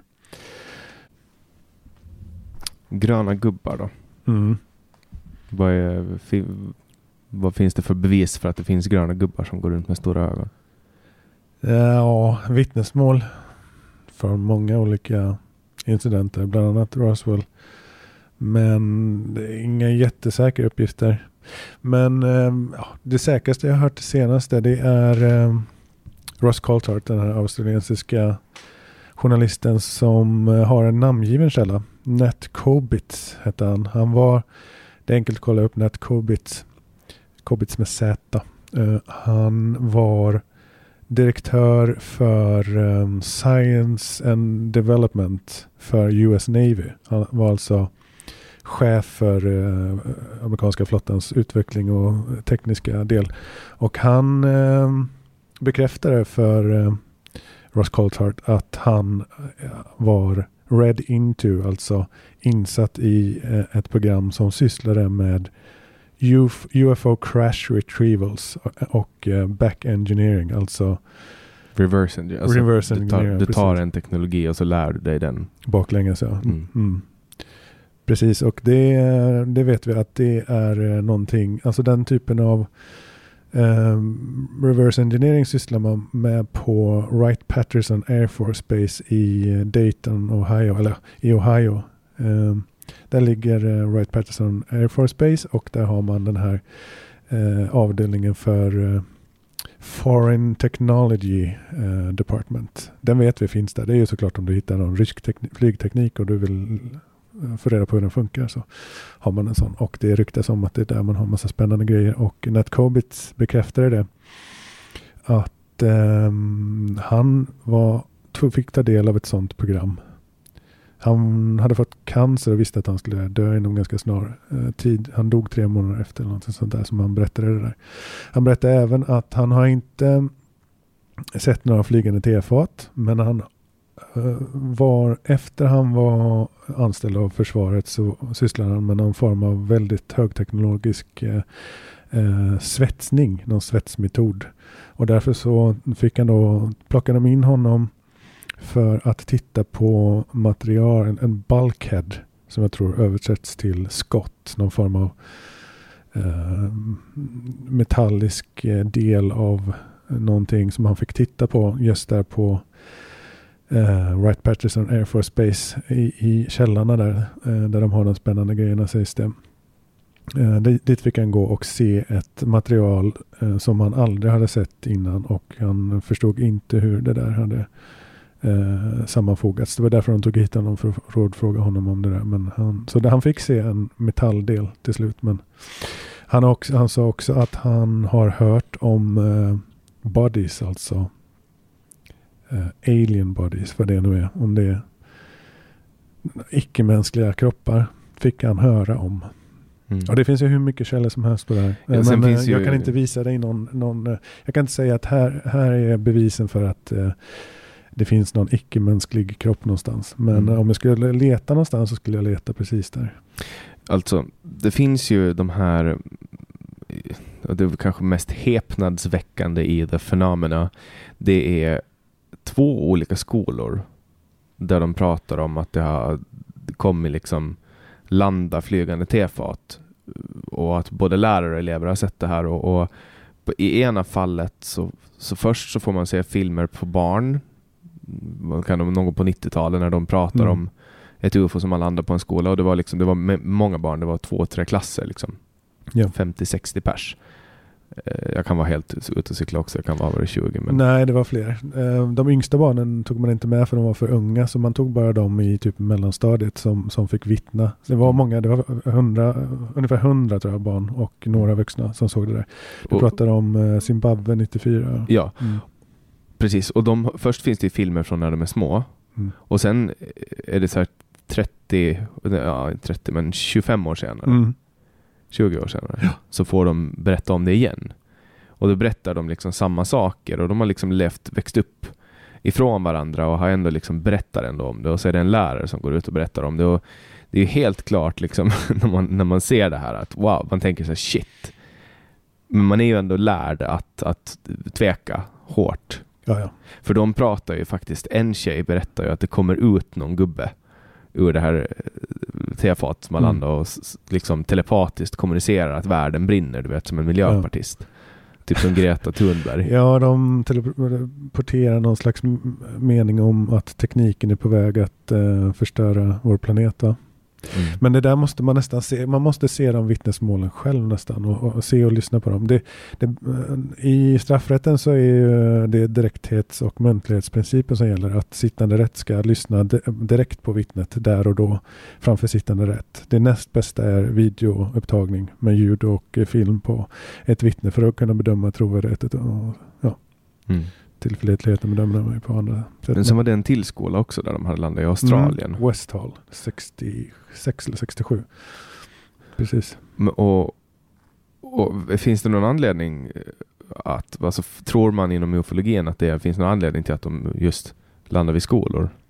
Nej, jag har inte hört någon bra teori. Även i Skottland finns det ett exempel på skolbarn som ser flygande tefat.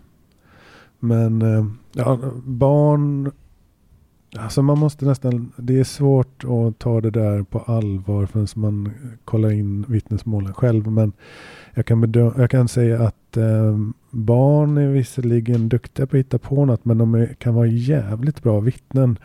Alltså ibland har jag stött på eh, vittnen i mellan så 9 och, och 12 år som är de bästa vittnena, mest, som kan ge de mest detaljerade vittnesmålen som jag någonsin har stött på. Barn är väldigt duktiga på att komma ihåg detaljer.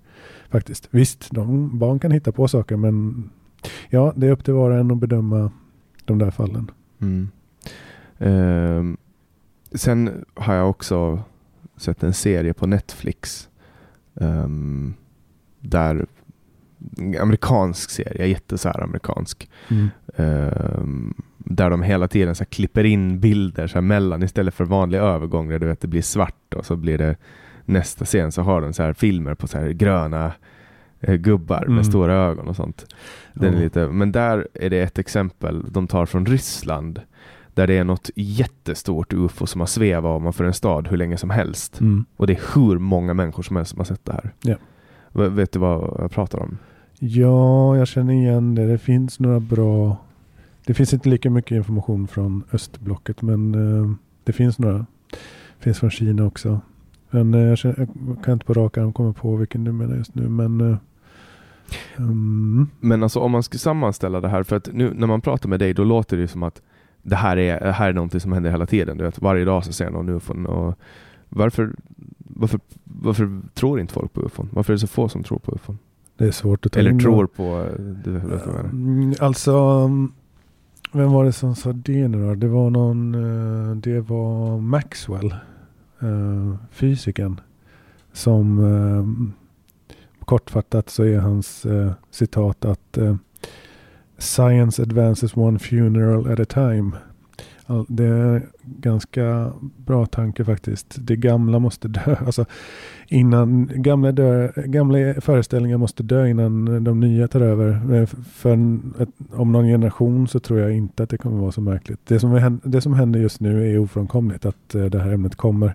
I och med att kongressen i USA nu eh, officiellt har visat olika politiker i USA mer bevis än du och jag har sett. Så men så kommer det, det kommer och det har skett i och för sig det har skett vågor förut där det här ämnet har kommit upp och eh, tagits på allvar av vissa och sen bara försvunnit. Men se, se på svensk offentlighet, det är helt dött det här ämnet.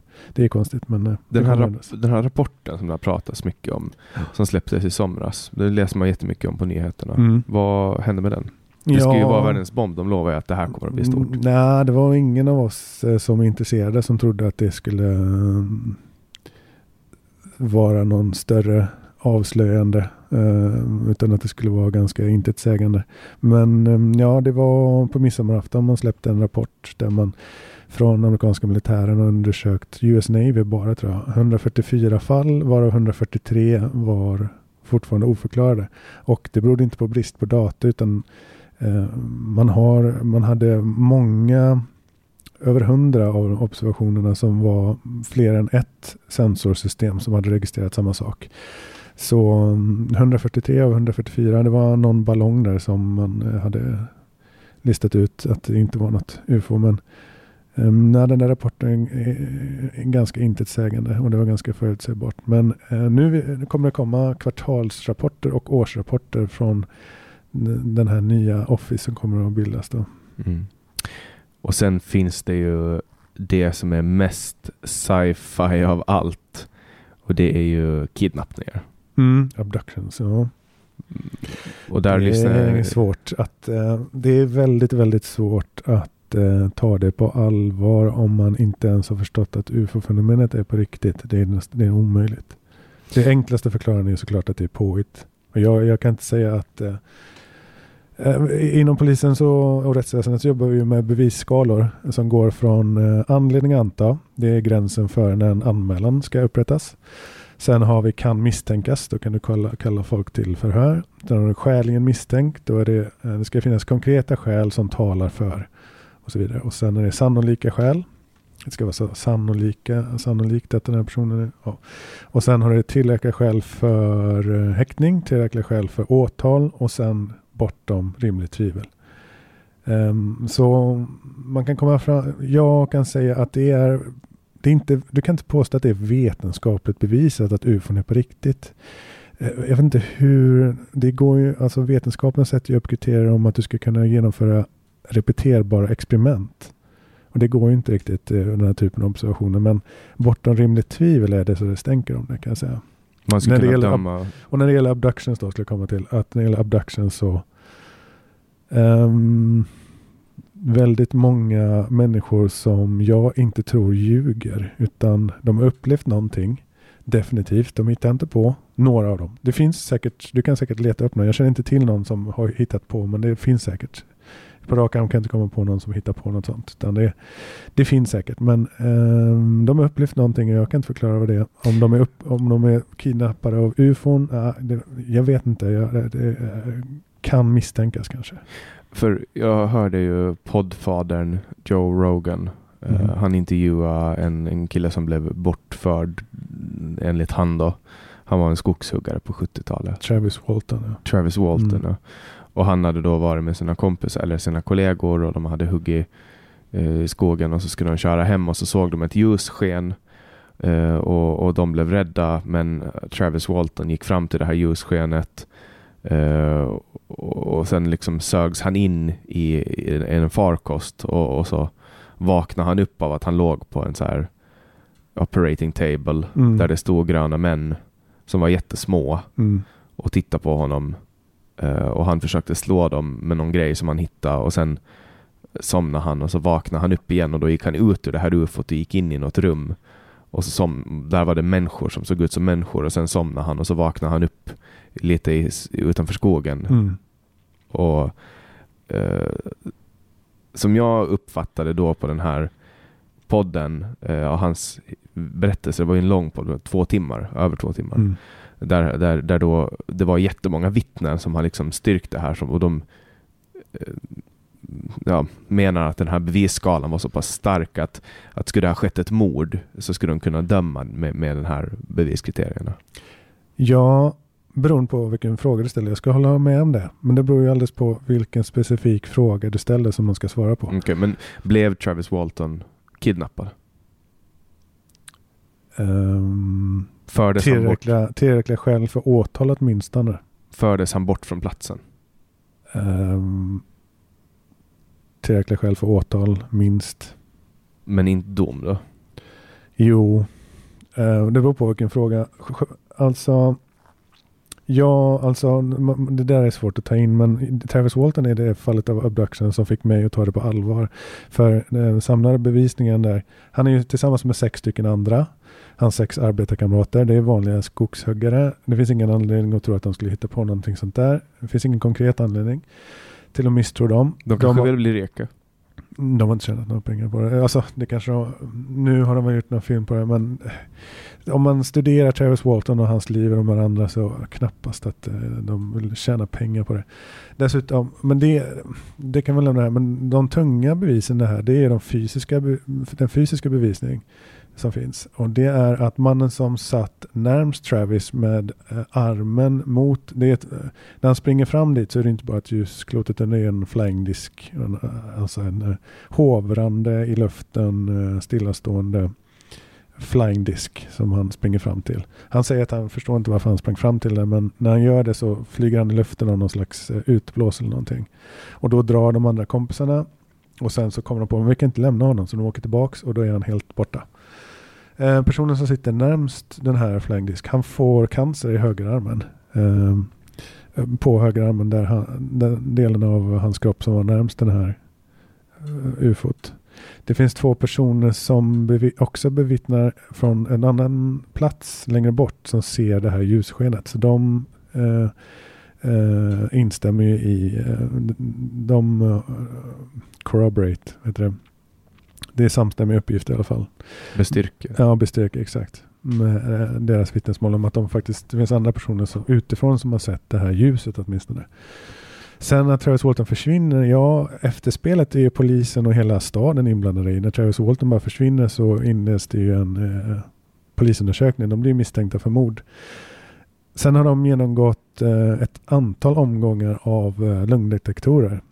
Och lögndetektorer, då vill man gärna tänka, att de går ju att lura. Ja, men så jävla lätt är det inte.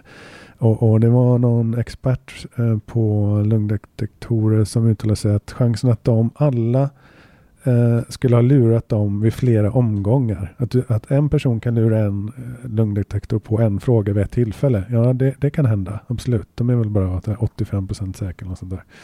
Men alla de här tillfällena tillsammans gör att det skulle vara mindre än en på en miljon enligt den här experten. Att de skulle kunna lyckas lura dem flera omgångar. Då.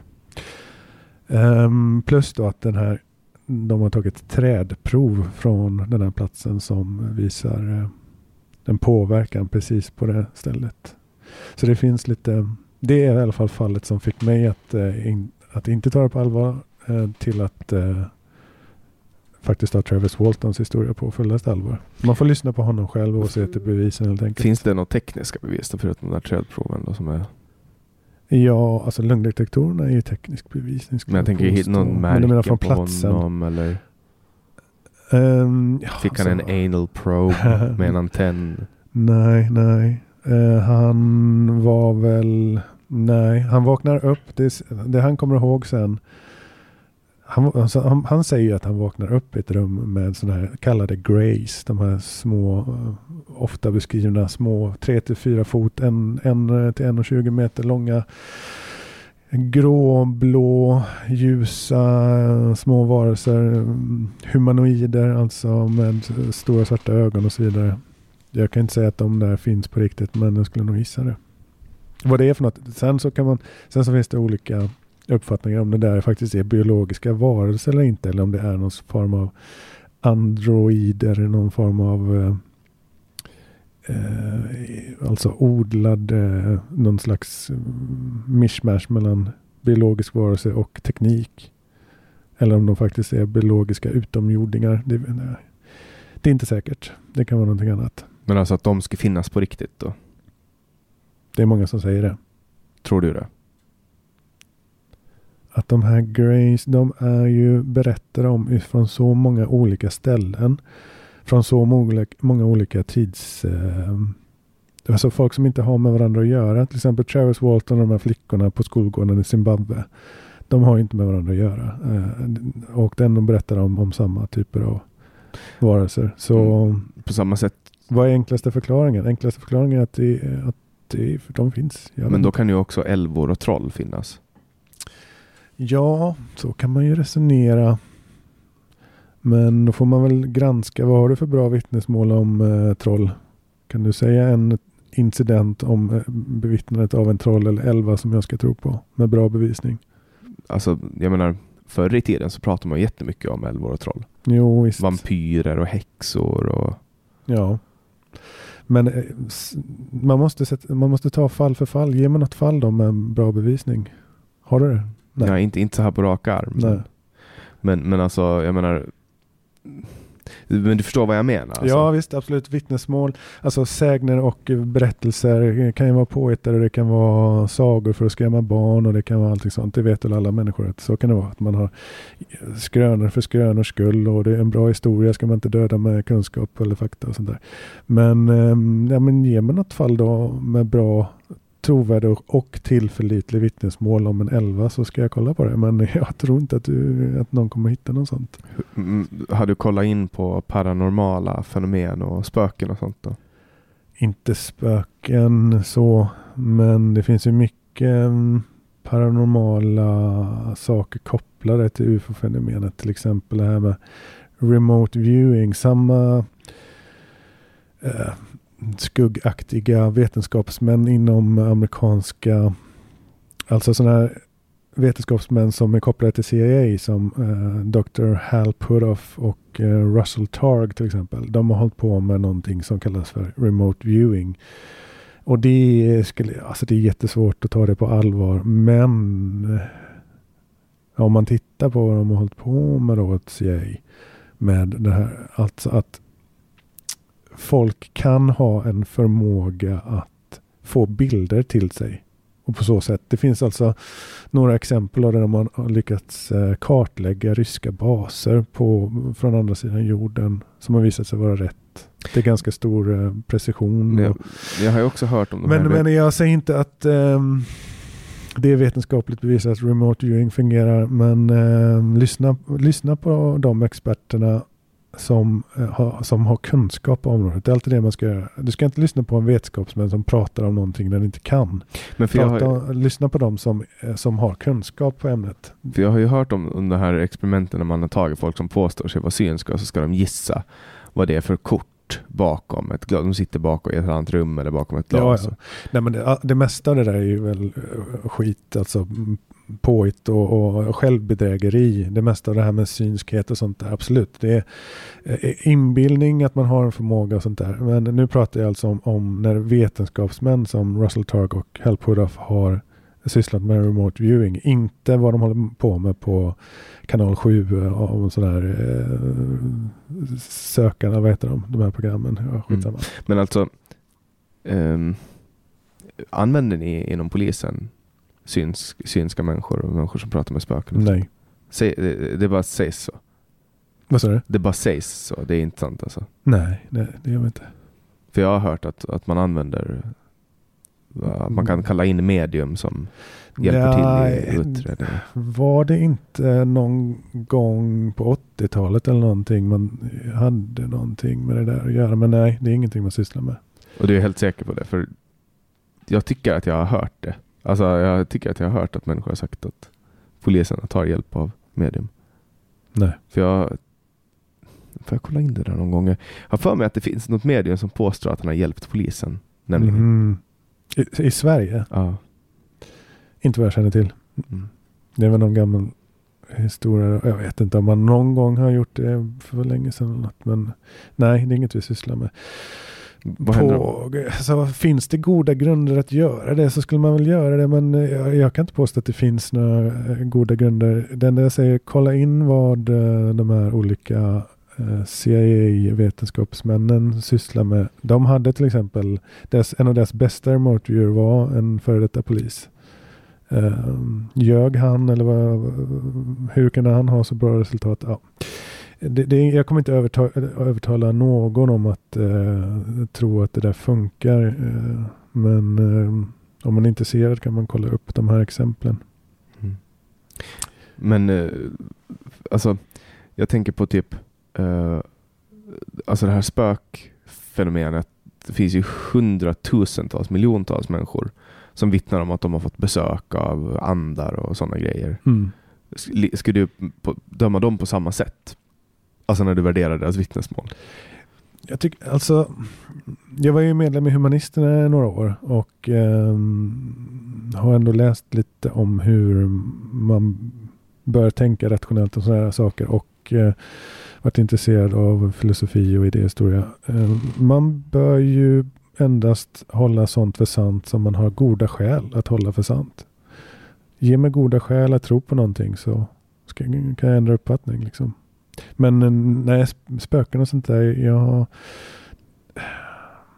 Jag vet inte. Jag tror inte på det. Jag har inte sett några bra fall med bra bevisning. Eh, men det, är det, här, det som jag kan ha blivit intresserad av på senaste tid, det är väl det här med nära- döden-upplevelser och eh, vad folk berättar om trovärdiga människor som berättar om konstiga upplevelser. Det är ganska häftigt att lyssna på i alla fall. Mer än så tänker att det... Um, nej, um, det kanske låter som att någon som tror på ufon, om man säger så, eh, är ute och, och gör tankevurpor och så vidare. Men det är faktiskt inte så. Det handlar om kunskap. Om, om man studerar ufo-fenomenet och de bästa incidenterna i några hundra timmar så kommer man nog ändra uppfattning. Eh, och eh, om du inte tar det från mig så lyssna på astrofysiken eh, J. Allen Hynek eller mm, eh, kärnfysikern Stanton Friedman är min favorit. Eller, Och sen har vi en hel samling på det här SCU Scientific Coalition for UAP Studies som eh, eh, Kevin Knuth, en fysiker som eh, räknar på de här UFO-incidenterna. Prata Mm. med dem om eh, varför de tar det på allvar. Lyssna inte på någon vetenskapsman som inte insatt ufo-frågor. Alltså vi har aldrig haft så mycket kameror som vi har nu. Mm. Varför finns det inte högupplösta bilder och filmer av Ja, ufon? det är en bra fråga. En, det, borde, det finns ju en jädra massa, jag kan visa dig en massa eh, filmer och sånt som strömmar in till olika YouTube-kanaler eller som läggs upp på Facebook eller sociala medier.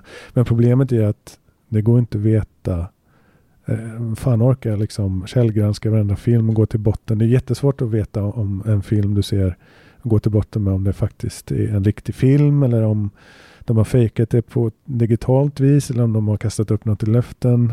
Utan det finns några foton och några filmer som jag är ganska, som jag skulle kunna säga att det här är till 99 procent eh, minst på riktigt. Men Det finns ju det här jättekända Men- fotot eh, på, som någon tant tog, eller någon gubbe tog, eh, på någon gård på 50-talet i USA. ja, det finns flera olika. fall. Vet du vilka jag pratar om? Jag tror du pratar om ehm, i Oregon va? Eller, Alltså ja. det är någon som har, de har djur, typ kor eller någonting och sen ser de ett, någonting som flyger och så tar de en bild och den här bilden har man, som jag har förstått det i alla fall, konstaterat att den är inte liksom tampered with. Mm. Jo, det finns några sådana exempel. Det finns från Kanada på 80-talet. ehm, och- det finns ehm, den som du nämnde från Oregon 55 tror jag det var. Och sen finns det en Polaroid från Westhull i Australien. Där. Just det, det är, det är den där som ser ut som eh, en... ehm, Där. ja, alltså det är svårt att förklara formen. Ehm, ja, om du tänker en sån här um, klocka du ringer på vid en disk Ja, för att få uppmärksamhet. Och du tar en sån och vänder den på kanten. Ja, den, den, den, den finns ju med där i The Phenomena. Mm. Eh, ja, för, för att det, det är sånt som... Alltså så här, det är klart, jag, jag tycker det är jättenervkittlande att kolla på, men, men jag vill gärna se det själv. Mm. Ja, du, din fråga är helt rimlig. Den här med varför när vi har så mycket kamera finns det inga bra eh, skarpa bilder på nära håll i fokus. N- Nej, det verkar, verkar vara det verkar vara svårt. eh, det borde i sådana fall vara någonting mer, någon mer faktor. Kanske då om den här intelligensen. För det, om en farkost åker omkring och reagerar på, eh, på någonting, alltså åker iväg när du åker efter den sådär, då måste det vara någon form av intelligens bakom i alla fall. Och då kan man tänka sig att eh, den är lite överlägsen, att vi har svårt att förstå att vi är de dumma myrorna på myrstacken som försöker eh, f- eh, liksom få, få klura ut varför människan gör som den gör. Alltså, man, det kan ju vara så att den här intelligensen är så pass överlägsen att den har fullständig kontroll på att du vem som fotar den och när. Om den inte tycker att eh, någon ska kunna fota den så kommer du inte kunna lyckas med det. Vad tror du de vill då? Om de är här och håller på. Ja, det, ja, det är de där klassiska frågorna. Vilka är det? Jag vet inte. Vad vill de? Ännu svårare. Eh, om vi leker med tanken att det handlar om utomjordingar då. Om vi tar den hypotesen. Gröna gubbar. Gröna gubbar. Det, jag säger inte att det är det. Men det eh, kan vara en teoretisk förklaring. Då ligger de kanske då 50 000 eller 50 miljoner år, vem vet, före oss i utvecklingen. Um, då skulle jag komma till. Ja, vad de, vad de vill. Ja, vad de vill ja. Tänk dig själv att du ska, eh, om vi åker 10 000, om vi åker tillbaks till förhistorisk tid, eh, innan sumererna, någonstans, eh, vi, vi går tillbaks eh, 10 000 år säger vi. Eh, och ehm, så tar du med dig lite teknik från dagen och eh, eller visar dem ett avsnitt av ditt liv. Hur fasen skulle en förhistorisk människa förstå vad det är du håller på med och varför du gör som du gör och hur din, din eh, teknik kommer ju uppenbarligen framstå som helt magisk.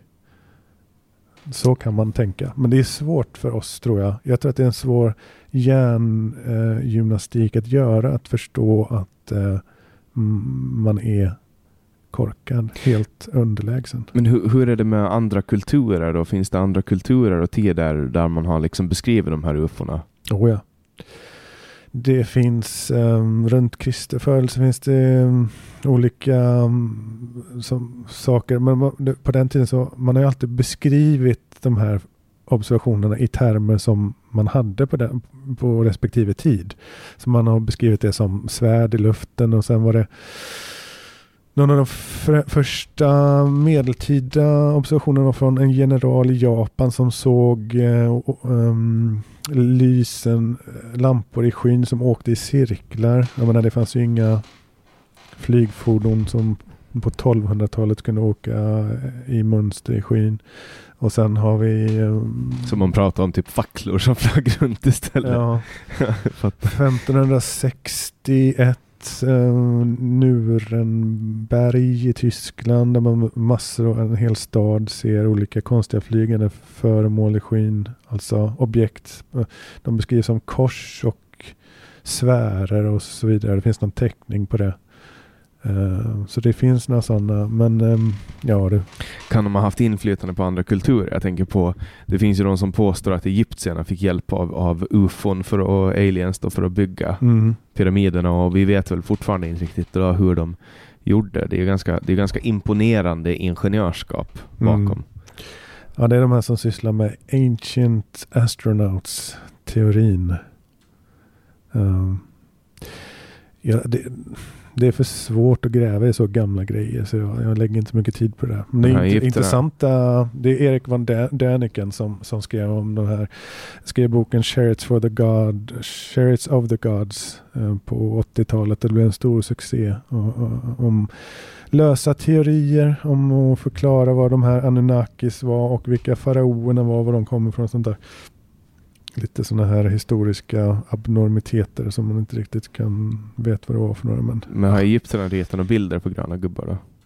nej, mm, nej. De ritar ju bilder på katt, katter och sånt. Det närmaste är väl att det finns målningar, grottmålningar i Australien. Aboriginerna har eh, 10 000 år gamla målningar som ser ut precis som Grace. Men det kan ju vara andra typer av historier såklart.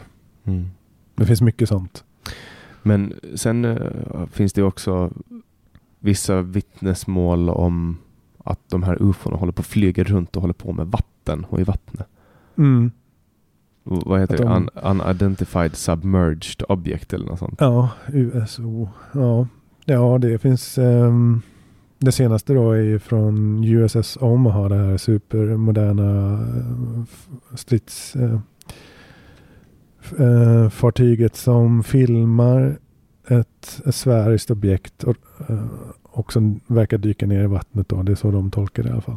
Men eh, USS Omaha blev ju faktiskt omringad av eh, hundratals flygande föremål. Det finns ju dokumenterat och, och, och, det finns film på de här flygande föremålen och det finns film eh, på radarn och eh, det handlar inte om att eh, US Navy är så jävla värdelösa så att de tar fel på reguljärflyg i, i ett eh, övningsområde och eh, att, att reguljärflyg skulle de skulle se fel på det, att de skulle flyga omkring runt om USS Oma. Oh nej, glöm det.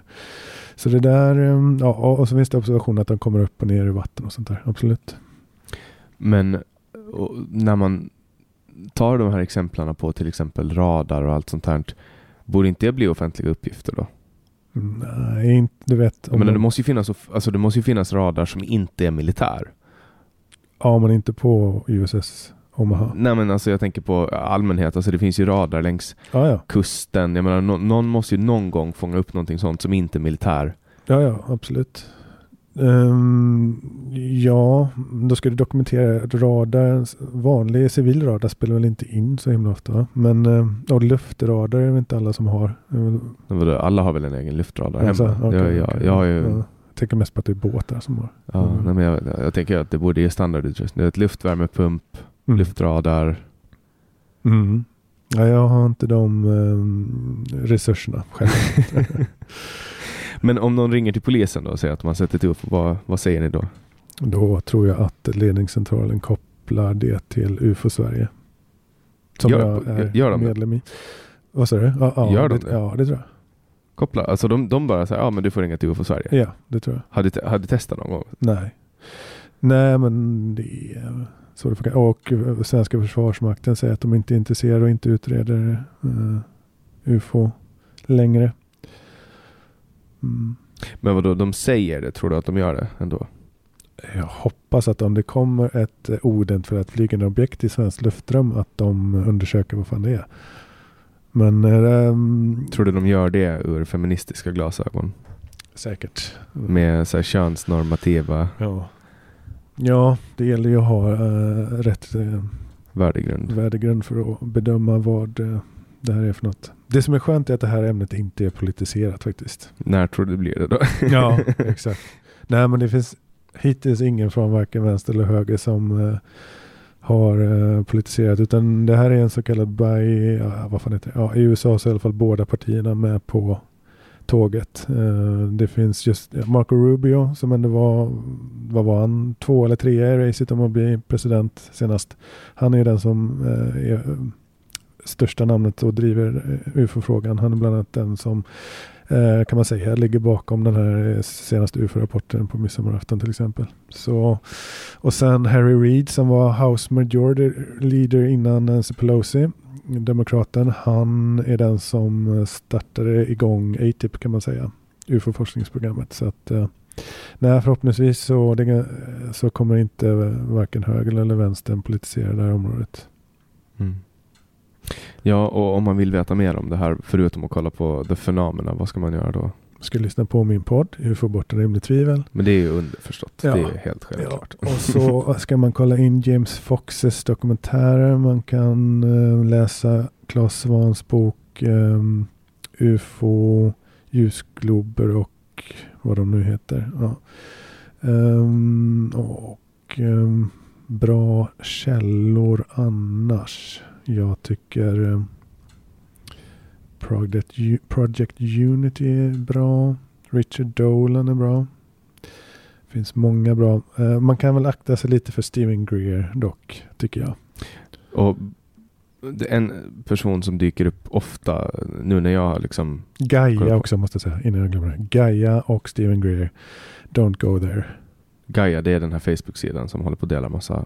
Ja, de har väl... Eh, de gör filmer och hemsidor. Ja, de, har- det, det, de, eh, det är inte mycket kritiskt tänkande där. Det handlar mer om att göra pengar. Och samma Steven Greer. Han var väl seriös en gång i tiden och satte ihop det här Disclosure-projektet 2001. Men eh, han är avslöjad nu med att eh, ekonomiska oegentligheter och det verkar som att han har fejkat eh, olika saker och sånt där. Så att, eh, och hans Unacknowledge eh, som fanns på Netflix för den ehm, Ja, han drar väldigt långtgående slutsatser om att eh, det är en stor eh, komplott i amerikanska in, militära industriella komplexet som är ondskefulla och eh, kommer att snart att lansera en false flag operation där man kommer att använda ufon, ufo-hotet som eh, intäkt för att eh, få mer pengar.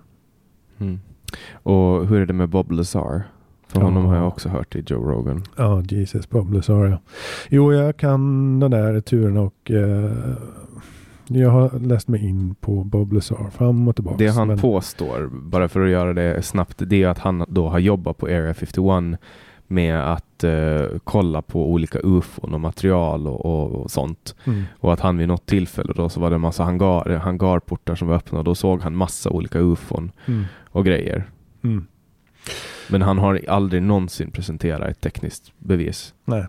Det är problem med hans tillförlitlighet. Även om jag tycker han är trovärdig så finns det ju inte mycket tillförlitlighet i de viktiga delarna. Han har jobbat på Los Alamos in, eh, och, Los Alamos är där eh, ett sånt högteknologiskt hemligt, halvt hemligt labb. Där, där, jag tycker det är bevisat att han faktiskt jobbade där. Ja, också att de försö- förstörde hans eh, records. Mm. Eh, det, är väl, det, är det är väl någonting som talar för att han har Ja. faktiskt jobbat där. Sen så har han ju för, ganska, ganska tydligt att han har ljugit om sin utbildningsbakgrund för att få de här jobben. Eh, Så att det verkar inte så tveksam. Jag är inte tveksam över att han har ljugit om sin utbildningsbakgrund. Han ville jobba där och därför ljög han. Eller han, vad var det, han, fals, han falsifierade be, eh, betyg, eller? Ja. På, för några, på 80-talet eh, så det var väldigt vanligt i USA att man sa, sa att man hade utbildningar man inte hade. Och han är väl en av dem troligen. Sen, eh, ja, men jag, jag tycker UF, man, man gör sig själv en tjänst om bara lägga hela Bob Lazar eh, eh, historien åt sidan. Ufologin behöver inte Bob Lazar och hans svårtydliga historia. Den är, den är svår att lita på. Men det är Eh, också lite spännande att höra för han Mm. berättar ju massa detaljer om eh, Alltså så här, det är ju underhållning. I min värld Ja. det, och, och det är hela den här ufo-grejen är ju Det är ju nervkittlande, Mm. spännande att höra och, och så. Ja, men man blir inte, mm, absolut. Fin- Jeremy Corbell har gjort en bra, sevärd dokumentär av Bob Lazar. Eh, Den heter väl Bob Lazar Flying Discs, eller Flying Sources och bla bla bla. Eh, Det är en bra eh, dokumentär, intressant, men eh, man blir inte så klok ändå på vad som är sant och inte. Så, men till Bob Lazars försvar, han var den som avslöjade att det hette Area 51 och S4, den här delen av Area 51 som heter S4 där man har de hemliga grejerna. Eh, nu vet vi att eh, det hade han rätt i. Och sen så, det här brukar användas som en intäkt för att hans historia är sann, att han eh, förutspådde ett grundämne, element 115, som då på den tiden hette en pentium, men som idag kallas för moskovium. Eh, det är ett grundämne som man nu i Moskva har lyckats ehm, under väldigt, väldigt bråkdel av en sekund kunnat eh, ha i, i framställa innan den faller sönder. Men det, det grundämnet finns i alla fall och det förespådde han ett decennium eller mer innan då. Han sa att de här uh, uh, ufona, uh, flying sources, att de drevs eller krävde det här grundämnet 115. Att, de, att tekniken byggde på det. Men ja, det är bara från hans håll som, som det här påstås att det här grundämnet eh, 115 är så vitalt. Det är faktiskt verkar vara bara från hans historia som det kommer. Men, men på vilket Och i- sätt förutspådde han? han? Han hade sett det här i ett labb. Ja, han säger att han, alltså han säger mellan raderna att han har en bit hemma och att det är hans livsförsäkring. Och det är därför FBI gör eh, räder hemma hos honom och, och husrannsakningar. Det finns det ju bildbevis på att de är hemma hos honom och gör Han husrannsakningar. åkte väl fast för, för någon narkotikabrott någon gång också? Eh, han åkte fast för koppleri. Han, Det koppleri, hjälp, Okej. han hjälpte någon uh, prostitutionshärva med data eller ekonomi eller vad det nu var. Så han åkte dit på det. Eh, För det var som jag, alltså det, det, som konspirationsteoretikerna framför kring det här så har ju det att göra med att minska hans trovärdighet. Att, eh, alltså Mm. på nå- någonting sånt. mm, Men jag, jag tycker i alla fall det är spännande att lyssna på honom för han låter ju som en riktig vetenskapsman mm. när han pratar. Ja, men han är inte det. Det är ingen dum kille det där. Men Joe Rogan, han är riktigt inne på ufon. Ja, mellan varven ja. Ja, han, han, är, han, han har ju haft väldigt många bra gäster. Jack Vallée är världens främsta, en av de främsta, kanske världens främsta ufolog. Fransmannen eller franska-amerikanen Jack Vallée. Men ska, vi, ska inte vi lansera någon egen eh, så här nordisk, typ att det var ett ufo som körde in i Estonia. Ja, ska du komma med den nu? Men vi släpper den nu. Det har ju Ja. nyligen kommit mera högupplösta bilder på hålet i Estonias skrov. Ja. Alltså det var ett ufo som krockade i Estonia liksom. Mm. Vad ska vi, eh, varför? Vad är syftet? Nej, det finns inget egentligt syfte. Det, det var knyta. Trolla lite. Exakt. Mm. Trolla. Nej men jätteroligt eh, Mm. att ha dig här Ete Persson. Samma. Och eh, stort tack till dig som har lyssnat på den här podcasten där vi har gått igenom lite ufon och annat eh, kring ufo-fenomenet. Och mera poddar hittar ni ju såklart genom att gå in på www.samtal.ax eller på någonstans där poddar finns. Ni får ju också höra de här samtalen en vecka innan om ni går in på bulletin.nu och blir pluskunder. Eh, som pluskund får du ta del av den här podden sju dagar innan men du får också ta del av Radio Bulletin som är en exklusiv Bulletin-podd. Du får jättegärna gå in på www.samtal.ax och tipsa om gäster. Jag uppskattar jättemycket att få tips för då vet jag vad du som gäst vill lyssna på. Du får ju också kontakta mig på min mailadress eller på något av kontaktsätten på hemsidan eller på sociala medier och höra av dig och berätta vad du tycker om den här podden. Jag uppskattar kritik väldigt mycket. Jag hoppas att du tycker om det jag gör och fortsätter lyssna och fortsätter dela. Jag släpper nya samtal alla onsdagar året runt. Jag heter Jannik Svensson och du har lyssnat på podcasten Samtal.